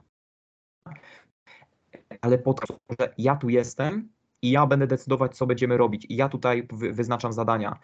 On rzeczywiście, jego wpływ się sprawdza w tym ataku, bo dokłada te sześć asyst, ale chce mieć ten pierwszy głos. I fascynuje mnie to, czy charakter i sposób gry Beto, który również jest człowiekiem niesamowicie ambitnym i nieprzeciętnym w umiejętnościach i z pewnością, z tego co widzę, nie ma charakteru na zasadzie ok, grajcie swoje, ja będę dobijał, e, no to widać, że on też chce e, mieć coś do powiedzenia w tym, e, w tym ataku. I pytanie, czy, czy charakter i sposób gry Deulofeu nie będzie czasem uniemożliwiać rozwoju Beto? Czy Beto czasem nie powie, ej, ja chcę tu być najważniejszy. E, nie wiemy w ogóle, znaczy nie wiemy, ja przynajmniej nie wiem, może ty wiesz więcej na ten temat, nie wiemy jak to wygląda w szatni, e, nie wiemy jak wyglądają relacje między nimi, ale no ja się obawiam, że będziemy mieć tu lekki konflikt interesów. E, coś jak Kobe i Shaq w Lakersach. Nie wiem, czy znana ci jest ta historia tam z NBA, że to byli no dwaj po prostu fenomenalni zawodnicy, którzy po prostu razem nie mogli grać totalnie. Każdy był na tyle różną osobowością, że oni po prostu razem e, no, mieli problem z graniem e, i przez to drużyna no, cierpiała. Ja myślę, że tak silne osobowości w pierwszym składzie mogą rozsadzić drużynę. Na plus Udinese wychodziło wpuszczanie Beto z ławki i pozostawienie Hiszpana w pierwszym składzie. E, myślę jednak, że to na dłuższą metę nie wypali i napastnik z Portugalii będzie chciał wieść prym w ofensywie, bo on jest bardzo emocjonalny, bardzo żałowy. On też chce mieć tą piłkę, e, też chce być, że tak powiem, prowadzącym. I to było mocno widać e, w starciu z Interem, kiedy, e, kiedy to właśnie Bastoni kompletnie sobie, czy Bastoni, czy, czy, czy De oni sobie kompletnie nie radzili z tym człowiekiem. Bastoni, ja pamiętam jak on on na początku praktycznie zszedł z boiska, go Szymek ściągnął, ściągnął, bo on kompletnie sobie nie dawał rady. On łapał żółte kartki i, i za, nie był w stanie inaczej zatrzymać tego Beto i Beto dostawał szału przy tych faulach taktycznych. E, on nie chce być jak Giroud czy Dzeko, który czeka na piłkę na nos, tylko e, on chce wyprowadzać tą akcję. On chce być po prostu tym, e, tym dynam- chce mi pokazać ten dynamit w nogach i pędzić pod pole karne i prowadzić tą piłkę. Jak mówiłeś, to jest świetny piłkarz technicznie. No i zdecydowanie no, rozumiem, że chce być kimś więcej niż finisherem, a współpraca z Deulofeu mocno mu to moim zdaniem e, uniemożliwia. I moje pytanie do Ciebie, jeszcze raz to powtórzę, czy Twoim zdaniem oni mają szansę na wspólne granie, czy ktoś będzie musiał się, e, e, czy, czy Beto będzie musiał się zgodzić na ławkę rezerwowych i bicie trochę takim jokerem, no bo wiadomo, no, posadzenie Deulofeu na ławkę, no to, to, to w ogóle nie bierzemy tego pod uwagę kontrze do tego, co mówiłeś, że Sotil patrzy na niego jak na lidera tego całego projektu. Tak, ja powiem tak, jeżeli chodzi o mm, spojrzenie na atak Udinese, mm, ja bym jakby uznał Delofeu za osobną w ogóle personę, bo to jest piłkarz, który gra tak dobrze, dlatego że ma pełną swobodę. To znaczy, gdyby on teraz dostał jakieś zadania, gdyby on teraz e, trafił na przykład do Napoli, e, czy trafiłby nawet do Milanu i zostałby ściśle przepisany do danego sektora, sektora, przepraszam, e, to w tym momencie ten piłkarz straciłby całkowicie swoją magię, ponieważ gdy spojrzymy na to, jak on gra, on jest trochę z lewej, on jest trochę z prawej, tu gdzieś na środku się porusza, tu troszeczkę wyżej podejdzie do prostopadłej piłki, zejdzie do rozegrania, poszuka dryblingu. To jest taki wszędobylski, ale który ma totalną swobodę taktyczną. Nie musi się ograniczać do żadnego sektora.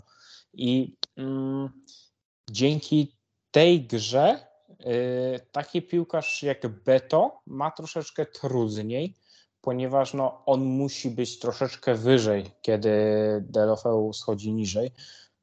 Nie możesz zostawić tego e, jakby drużyny bez tego punktu odniesienia z przodu. Zawsze ktoś tam musi być, bo zawsze musi być jakaś opcja zagrania do przodu zwykłej, prostej piłki do przodu.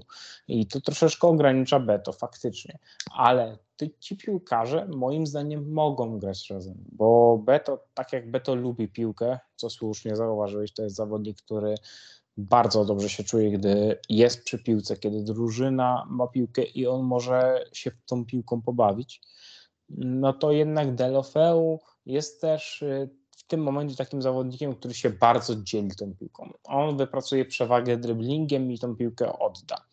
I moim zdaniem Beto będzie na tym bardziej korzystać. Warto też pamiętać, że mamy Successa na ławce rezerwowych, bądź w pierwszym składzie, tak jak dzisiaj, gdzie Success właśnie wyszedł w pierwszej, w pierwszej jedenastce i też dał bardzo, yy, moim zdaniem, fajny popis umiejętności. Natomiast, yy, no, tak jak mówię, to są moim zdaniem bardzo kompatybilni ze sobą gracze, yy, tylko no, czasami beto może być lekko ograniczony, ale tak jak mówię, no, to jest głównie dlatego, że no, tak wygląda też ta organizacja gry tego trenera i bez Delofeu y, tam, tam by brakowało po prostu prawdopodobnie człowieka, bo nikt nie wejdzie w jego buty. Może Czyli podsumowując, tak, uważasz, że oni są w stanie ze sobą grać jakkolwiek efektywnie? Tak, jak najbardziej. To, mm. że dobrzy piłkarze o takich charakterystykach dosyć kompletnych e, zazwyczaj się dogadają. Rzadko jest tak, że kompletni piłkarze się nie dogadują na boisku. No, szczegół, chyba, że właśnie biorę poprawkę na to, że obaj są e, utalentowani e, i obaj chcą dowodzić. To dlatego też podałem ten przykład Kobiego Bryanta i Shakira O'Neala, ponieważ tam był dokładnie ten sam problem. Były dwa charaktery, które chciały rządzić i obaj, i zarówno Deulofeu i Beto, oni też chcą rządzić, bo oni myślę, że mają świadomość swojego talentu i są świadomi tego, mm, jaki mają wpływ e, na drużynę. I zauważyłem właśnie, przy, że przy 28 spotkaniach w 2021 roku Beto strzelił 11 goli i nie wchodził tak często z ławki e, rezerwowej, rezerwowych. E, a teraz rzeczywiście Sotil zaczął stawiać bardziej na Successa w pierwszym składzie, bardziej niż na Beto. I ten atak troszeczkę się pogorszył teraz ostatnimi czasy. To już nie jest taka machina, jak to była na początku. Z tym, ja że Beto miał kontuzję. Prze, pod, na koniec sezonu Aha. zeszłego Beto miał kontuzję, która wykluczyła go z gry i no, Beto długo dochodził do siebie. I mhm. stąd to się wzięło, że Success musiał grać w pierwszej jedenastce i Sotil raczej chce e, zarządzać tymi siłami Portugalczyka dosyć inteligentnie. Po prostu no tak, no bo... nie chce go stawiać graj, graj, graj, graj, bo ma świadomość tego, że ten piłkarz też może być podatny na przeciążenia mięśniowe przez swoją budowę, bo gdy spojrzymy, on jest wysoki, 1,94 m, jest dosyć silny, ale no, ta jego budowa, bardzo chude nogi, dosyć też mm, bardziej umięśniona góra, jednak y, no, on nie jest, y, on swoją budową nie do końca przypomina piłkarza. I mhm. stąd mogą brać się też e, takie mikrourazy, urazy przeciążeniowe, co w tym takim intensywnym futbolu jest normą. Ale nie ma tego złego, co by na dobre nie wyszło, biorąc pod uwagę to, że Beto teraz siedzi na ławce, bo kiedy wchodzi, to sprawdza się generalnie jako, e, jako joker, e, a oprócz tego, że strzela, czyli de facto robi to, co do niego należy i podtrzymuje tą opinię dobrego napastnika, to wraz z jego nieobecnością rośnie znaczenie Deulofeu. On teraz rzeczywiście, e, nikt nie jest w stanie z nim konkurować, nawet, nawet Roberto Pereira, który jeszcze u Gottiego był takim, no, no, można powiedzieć, piłkarzem oświeconym, e, bo to on e, wyglądał na jedynego człowieka, który jako tako zna się na technice, e, a teraz nawet ten Pereira cofnął się w cień i teraz rzeczywiście gwiazda Deulofeu e, błyszczy najjaśniej. I ja powiem szczerze, że, że nawet by mi ten układ e, z rezerwowym Beto takim jako takim jokerem nawet by mi pasował, nie ukrywam. Natomiast no właśnie ciekawiła mnie twoja opinia co do, co do ich wspólnej, wspólnej gry w jednym, w pierwszym składzie. No, moim zdaniem są w stanie razem grać, bo tak jak mówię, e, ty podajesz ten przykład z NBA, ja nie ukrywam, że, że koszykówka w ogóle mnie nie interesuje, natomiast Jasne. no, też mam świadomość, że nie zawsze dobrzy piłkarze tworzą dobry zespół i to jest powszechne w futbolu. Idealnym przykładem jest PSG, gdzie masz zbiór bardzo dobrych piłkarzy, ale czy masz dobrą drużynę, dobry zespół? No, trudno to powiedzieć, tak? Natomiast mhm. y no, akurat ci piłkarze są po prostu ze sobą kompatybilni. E, jeżeli chodzi o charakter, wydaje mi się, że w drużynie jest taka hierarchia, że Delofeu jednak e, też przez swoje doświadczenie, to jest jeden z najbardziej doświadczonych piłkarzy w zespole, on ma 28 lat. To jest jeden ze starszych zawodników w zespole. I to też jest taka fajna rzecz, ale e, to, że on liznął Milanu, liznął, liznął Premier League, liznął przede wszystkim Barcelony, który jest wychowankiem, grał z Messim, no to ustanawia go, ustawia go troszeczkę wyżej w hierarchii, plus ten jego charakter, który się zmienił, bo on wcześniej był taką gwiazdą. On był gwiazdą, a mhm. teraz stał się liderem, e, jakiego chce Sotil po prostu. Mhm. nieuchronnie będziemy zmierzać do zakończenia części o Udineze, a jako, że będziemy zmierzać do końca tej części, przybliżać się do tragizmu Fiorentiny i będziemy przybliżać się w stronę krytyki, no to również przybliżymy się mm, w stronę krytyki mm, w przypadku Udinese.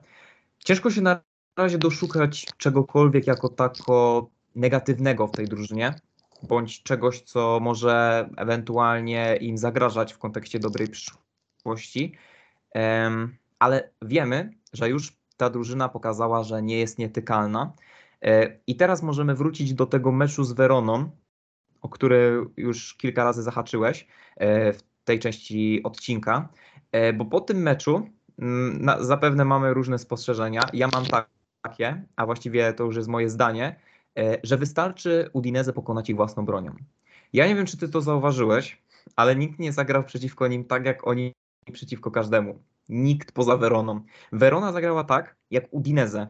Dużo ruchu bez piłki, ogromna intensywność, naprawdę niewiele dogodnych sytuacji strzeleckich i ciężka praca fizyczna. Ciągły pressing, nieustanne bieganie. Nadrabianie tych braków technicznych ciąż, ciężką walką.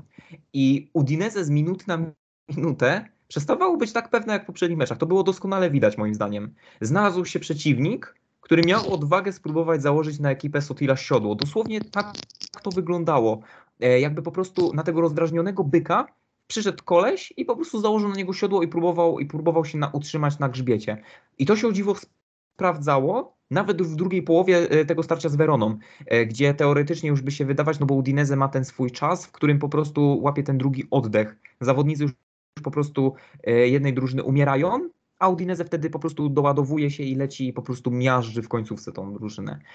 A tymczasem w meczu z Weroną tak, tak nie było i Verona siedziała na nich do końca. Naprawdę. Udinese miało problemy z prowadzeniem piłki po ziemi, a Ellas ocierał się o 2-0. No i wszystko wiadomo, się oczywiście posypało, bo tam wszedł Beto, który jest no, lepszy w ataku niż Success. No ale najważniejsze było to, że właśnie tak jak wspomniałem, ktoś próbował rzucić lasso na Udineze i utrzymać się na tym grzbiecie.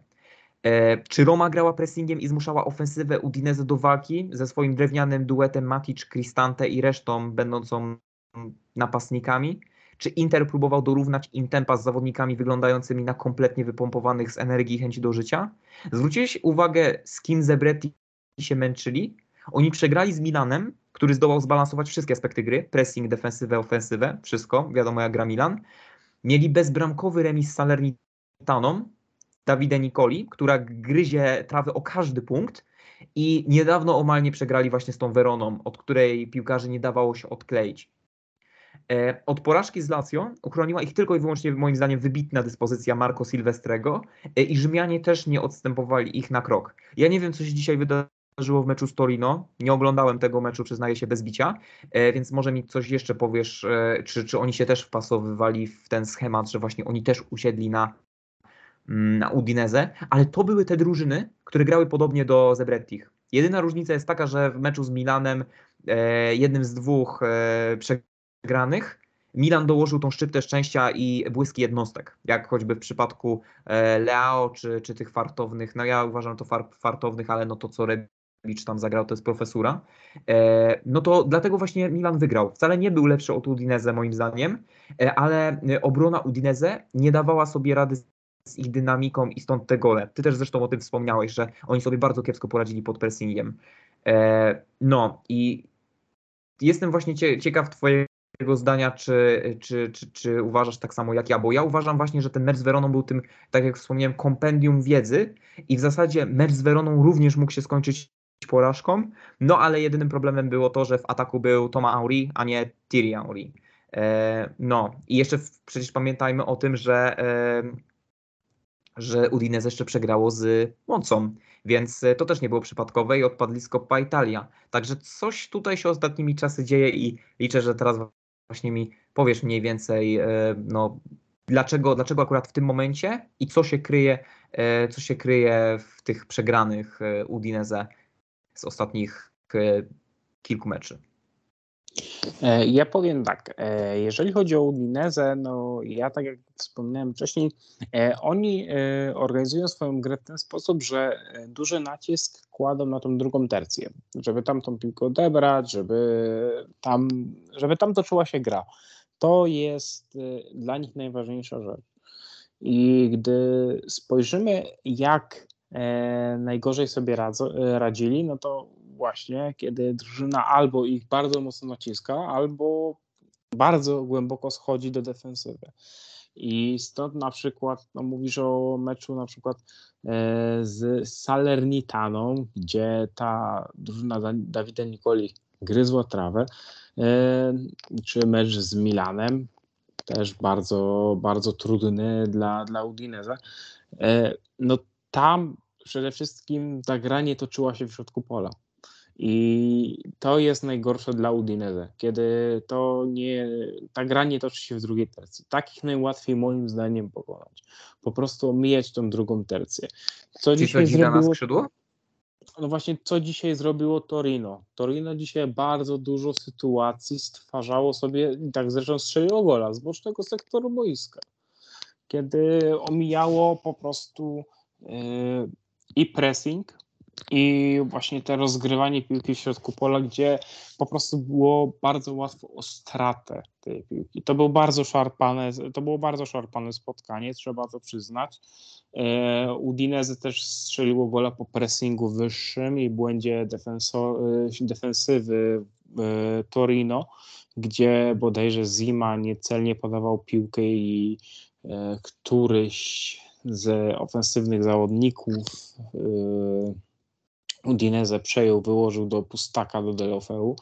E, natomiast no, no, tam omijano jednak tę strefę środkową, gdzie po prostu Udinese stara się zagęszczać. Gdy spojrzymy też jak grała Roma, Roma też starała się grać w środku boiska, nie wiem dlaczego, ale starała się jednak e, szukać tych sytuacji rozgrywania piłki w środku, więc to, to, to, to jest błąd. Jeżeli chodzi zaś o Monzę, mm, tam trener jest bardzo analityczny i też troszeczkę wejście pytani e, dużo dało, troszeczkę szczęścia, ta szybka szczęścia właśnie, więc to, to się wszystko złożyło po prostu na wygraną Monzę. No Udinese nie jest drużyną idealną, na każdą drużynę znajdzie się jakiś sposób. Taki Milan wystarczy po prostu przycisnąć, zagrać wyżej, agresywniej i już ma problemy.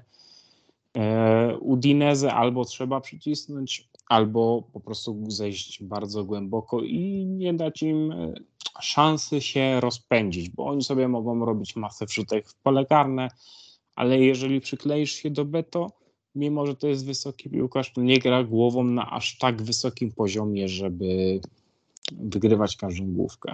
A nie uważasz, że skoro takie pieniądze się daje za Udojiego, to e, powinno się wymagać tego, że, ta, że te boki boiska będą dobrze za, zabezpieczone? Bo ja rozumiem, ja generalnie rozumiem, że może być problem na jednej stronie e, boiska, ze względu na to, że bardzo tam na tej pozycji, no ja to powiedz, no wiadomo, rozmawiając z tobą nie ma mowy o ścisłych pozycjach formacji, ale na powiedzmy pozycji e, wahadłowego jest Roberto Pereira. Ja jestem w stanie przymknąć oko na to, że e, że, że ten zawodnik rzeczywiście może mieć problemy w defensywie.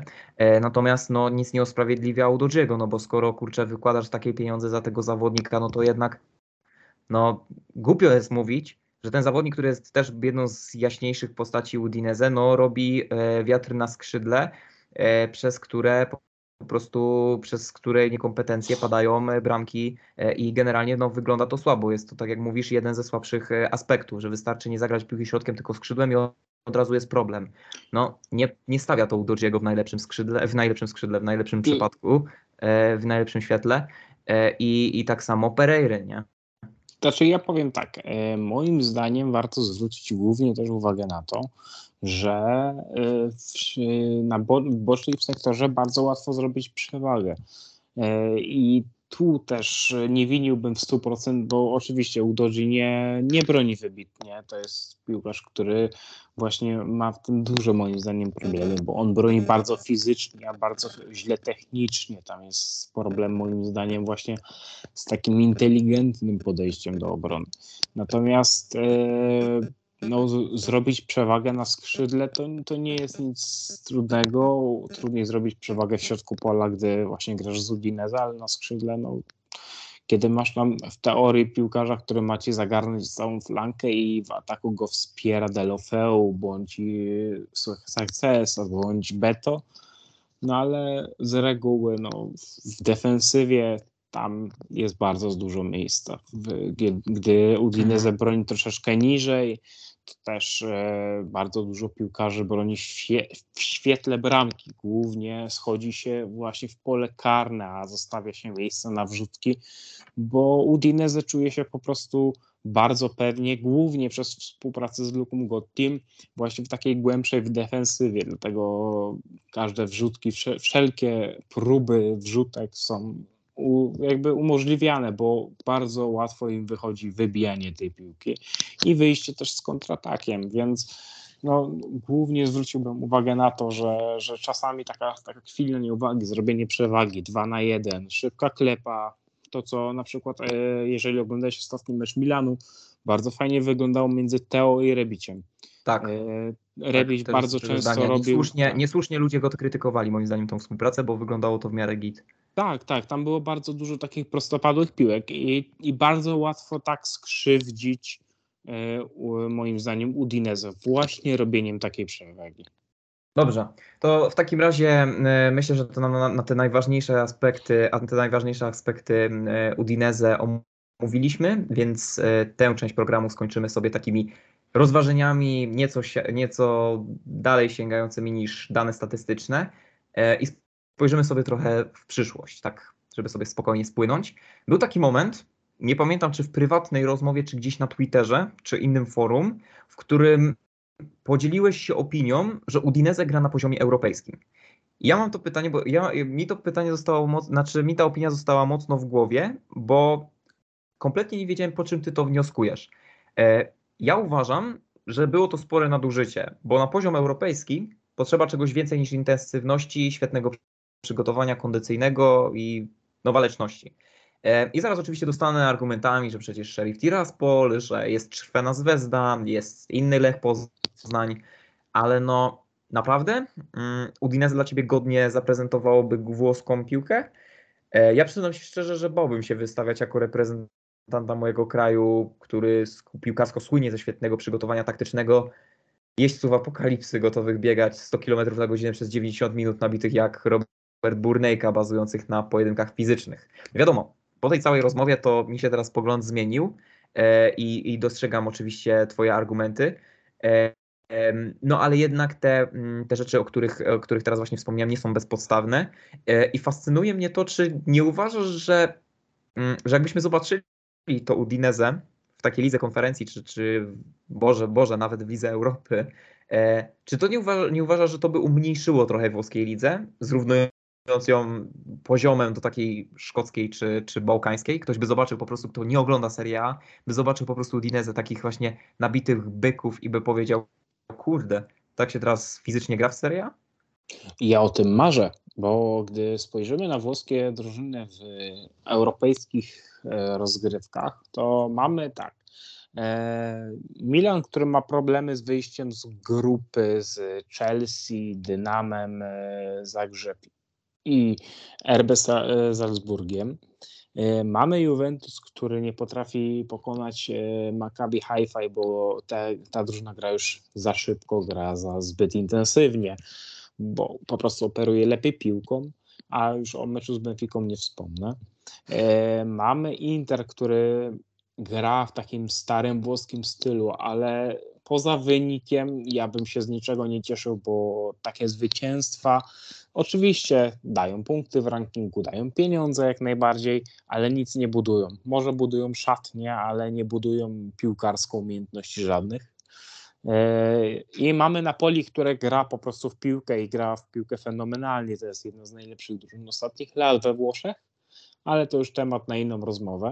E, no brak, mamy dalej Lazio, które się kompromituje, mimo że we Włoszech gra fenomenalnie, to w Europie no, wygląda to źle.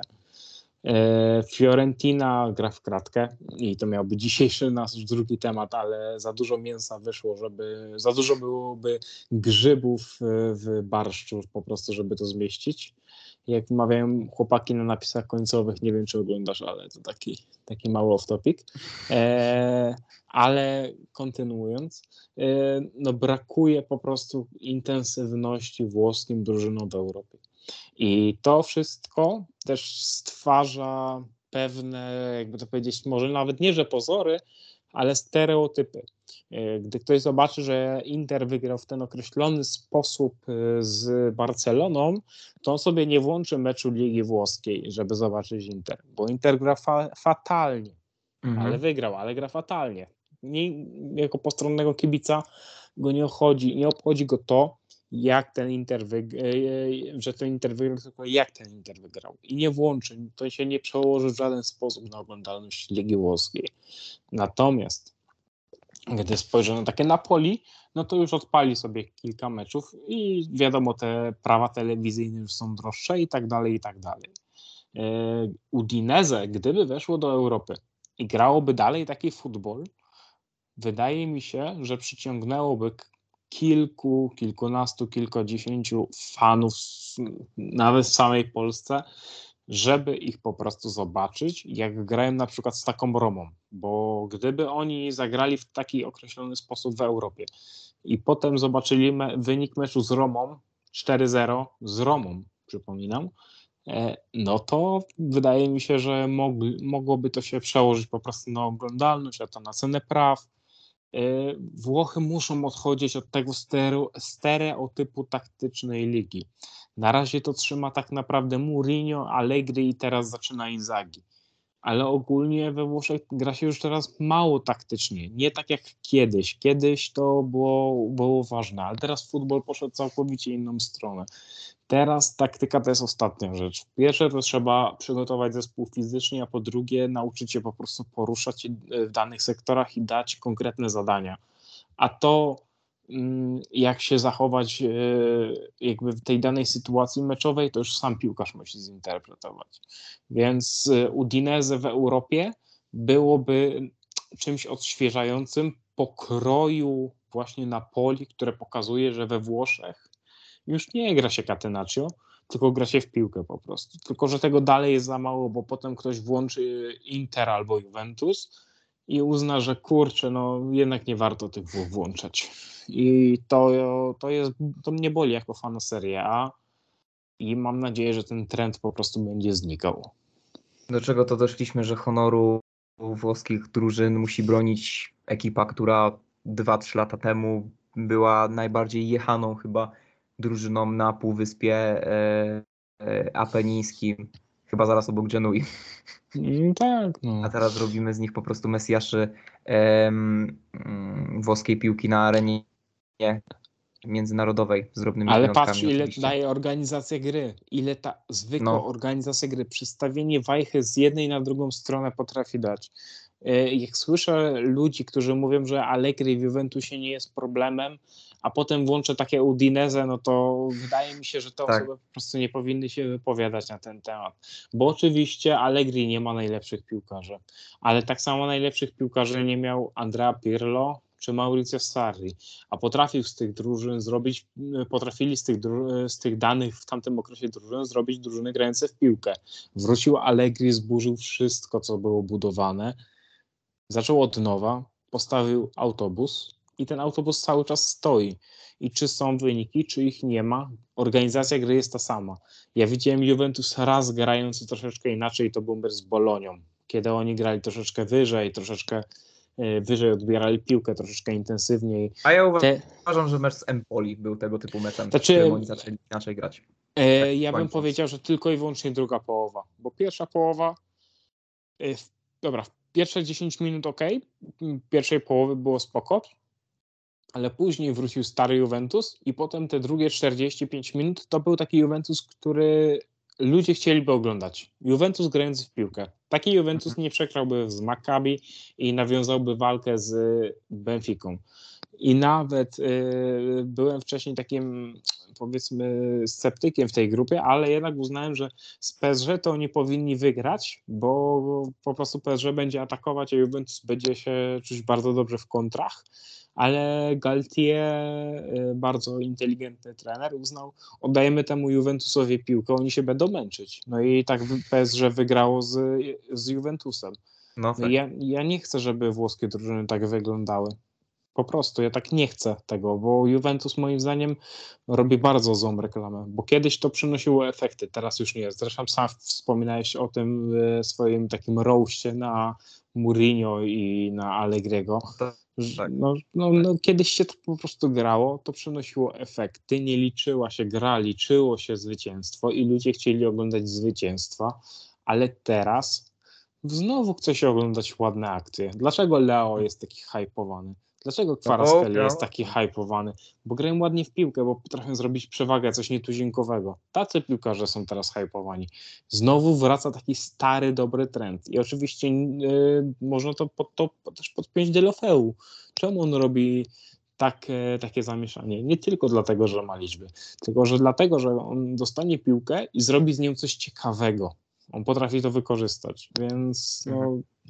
To, to, to jest na, też jest na pewno na plus dla, dla Włoch, że takie ekipy się zda, zdarzają i że no, robimy z tego Udinese takich mesjaszy, ale ta organizacja gry, jedno dotknięcie, po prostu jedna zmiana, granie wyżej sprawia, że, że mamy naprawdę konkretną drużynę, która w tym momencie w Europie by się po prostu nie skompromitowała, bo zabiegałaby swojego rywala. I gdyby grała na przykład z drużyną, pre, z drużyną Premier League, nie miałaby żadnego problemu z nią wygrać.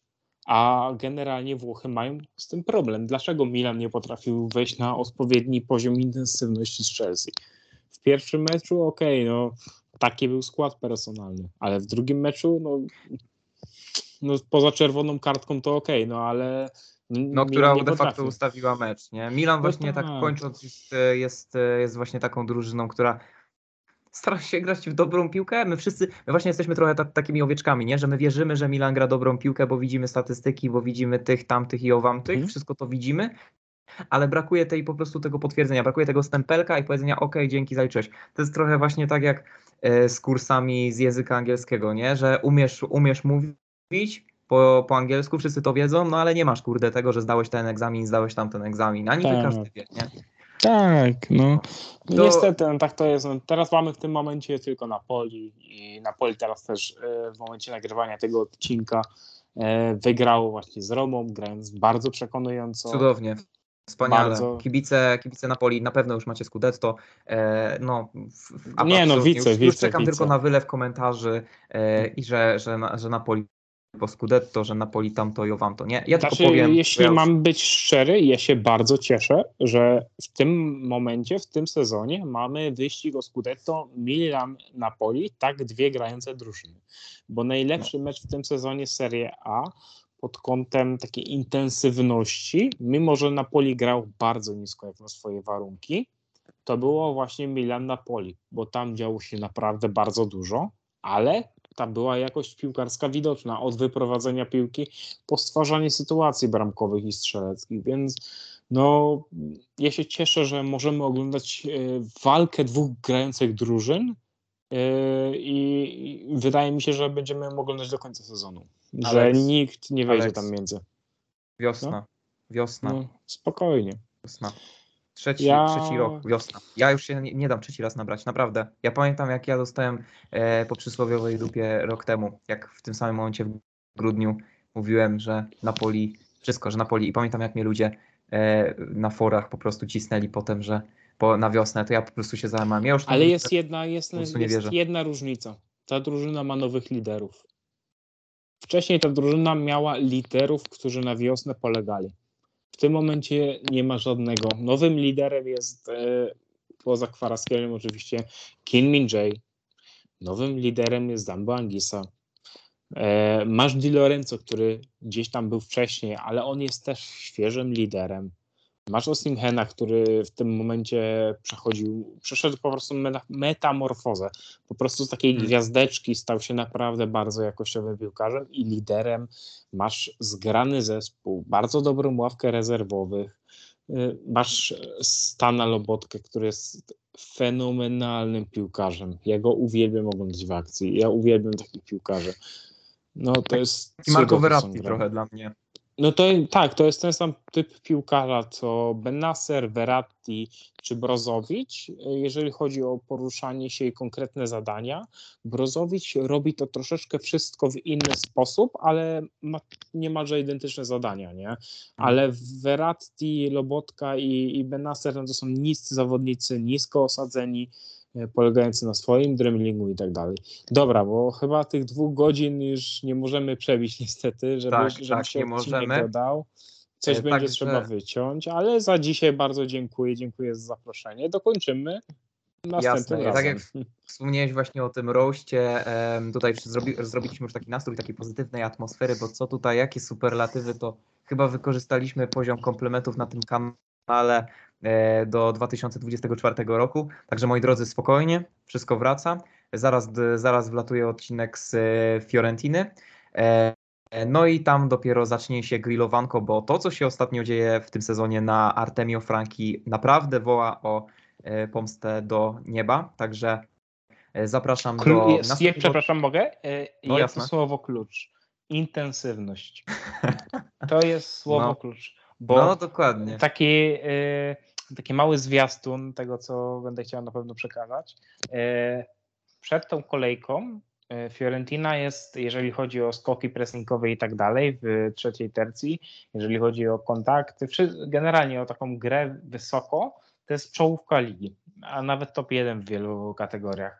Ale to jest wszystko robione tak powoli, tak spokojnie, że to jest aż smutne. Ja się nie dziwię troszeczkę, że ten Żurkowski nie gra, bo on gra zbyt intensywnie na to, co chce grać w No tym tak. momencie Vincenzo Italiano. Ale za dzisiaj dziękuję bardzo, dziękuję za zaproszenie i dokończymy w przyszłym tygodniu. I jasne. Także jak słyszycie, moi drodzy, e, odcin- zapraszam do w zasadzie kolejnego odcinka, bo myślę, że oba dodam e, w tym samym, w tym samym momencie.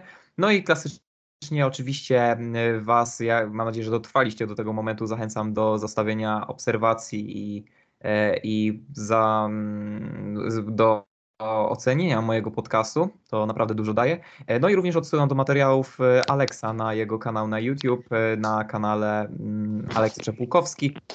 Tam znajdziecie pełno materiałów, czy to zahaczających o tematy Serie A, ale również o tematy związane z Milanem. Także dziękuję za dzisiejsze spotkanie.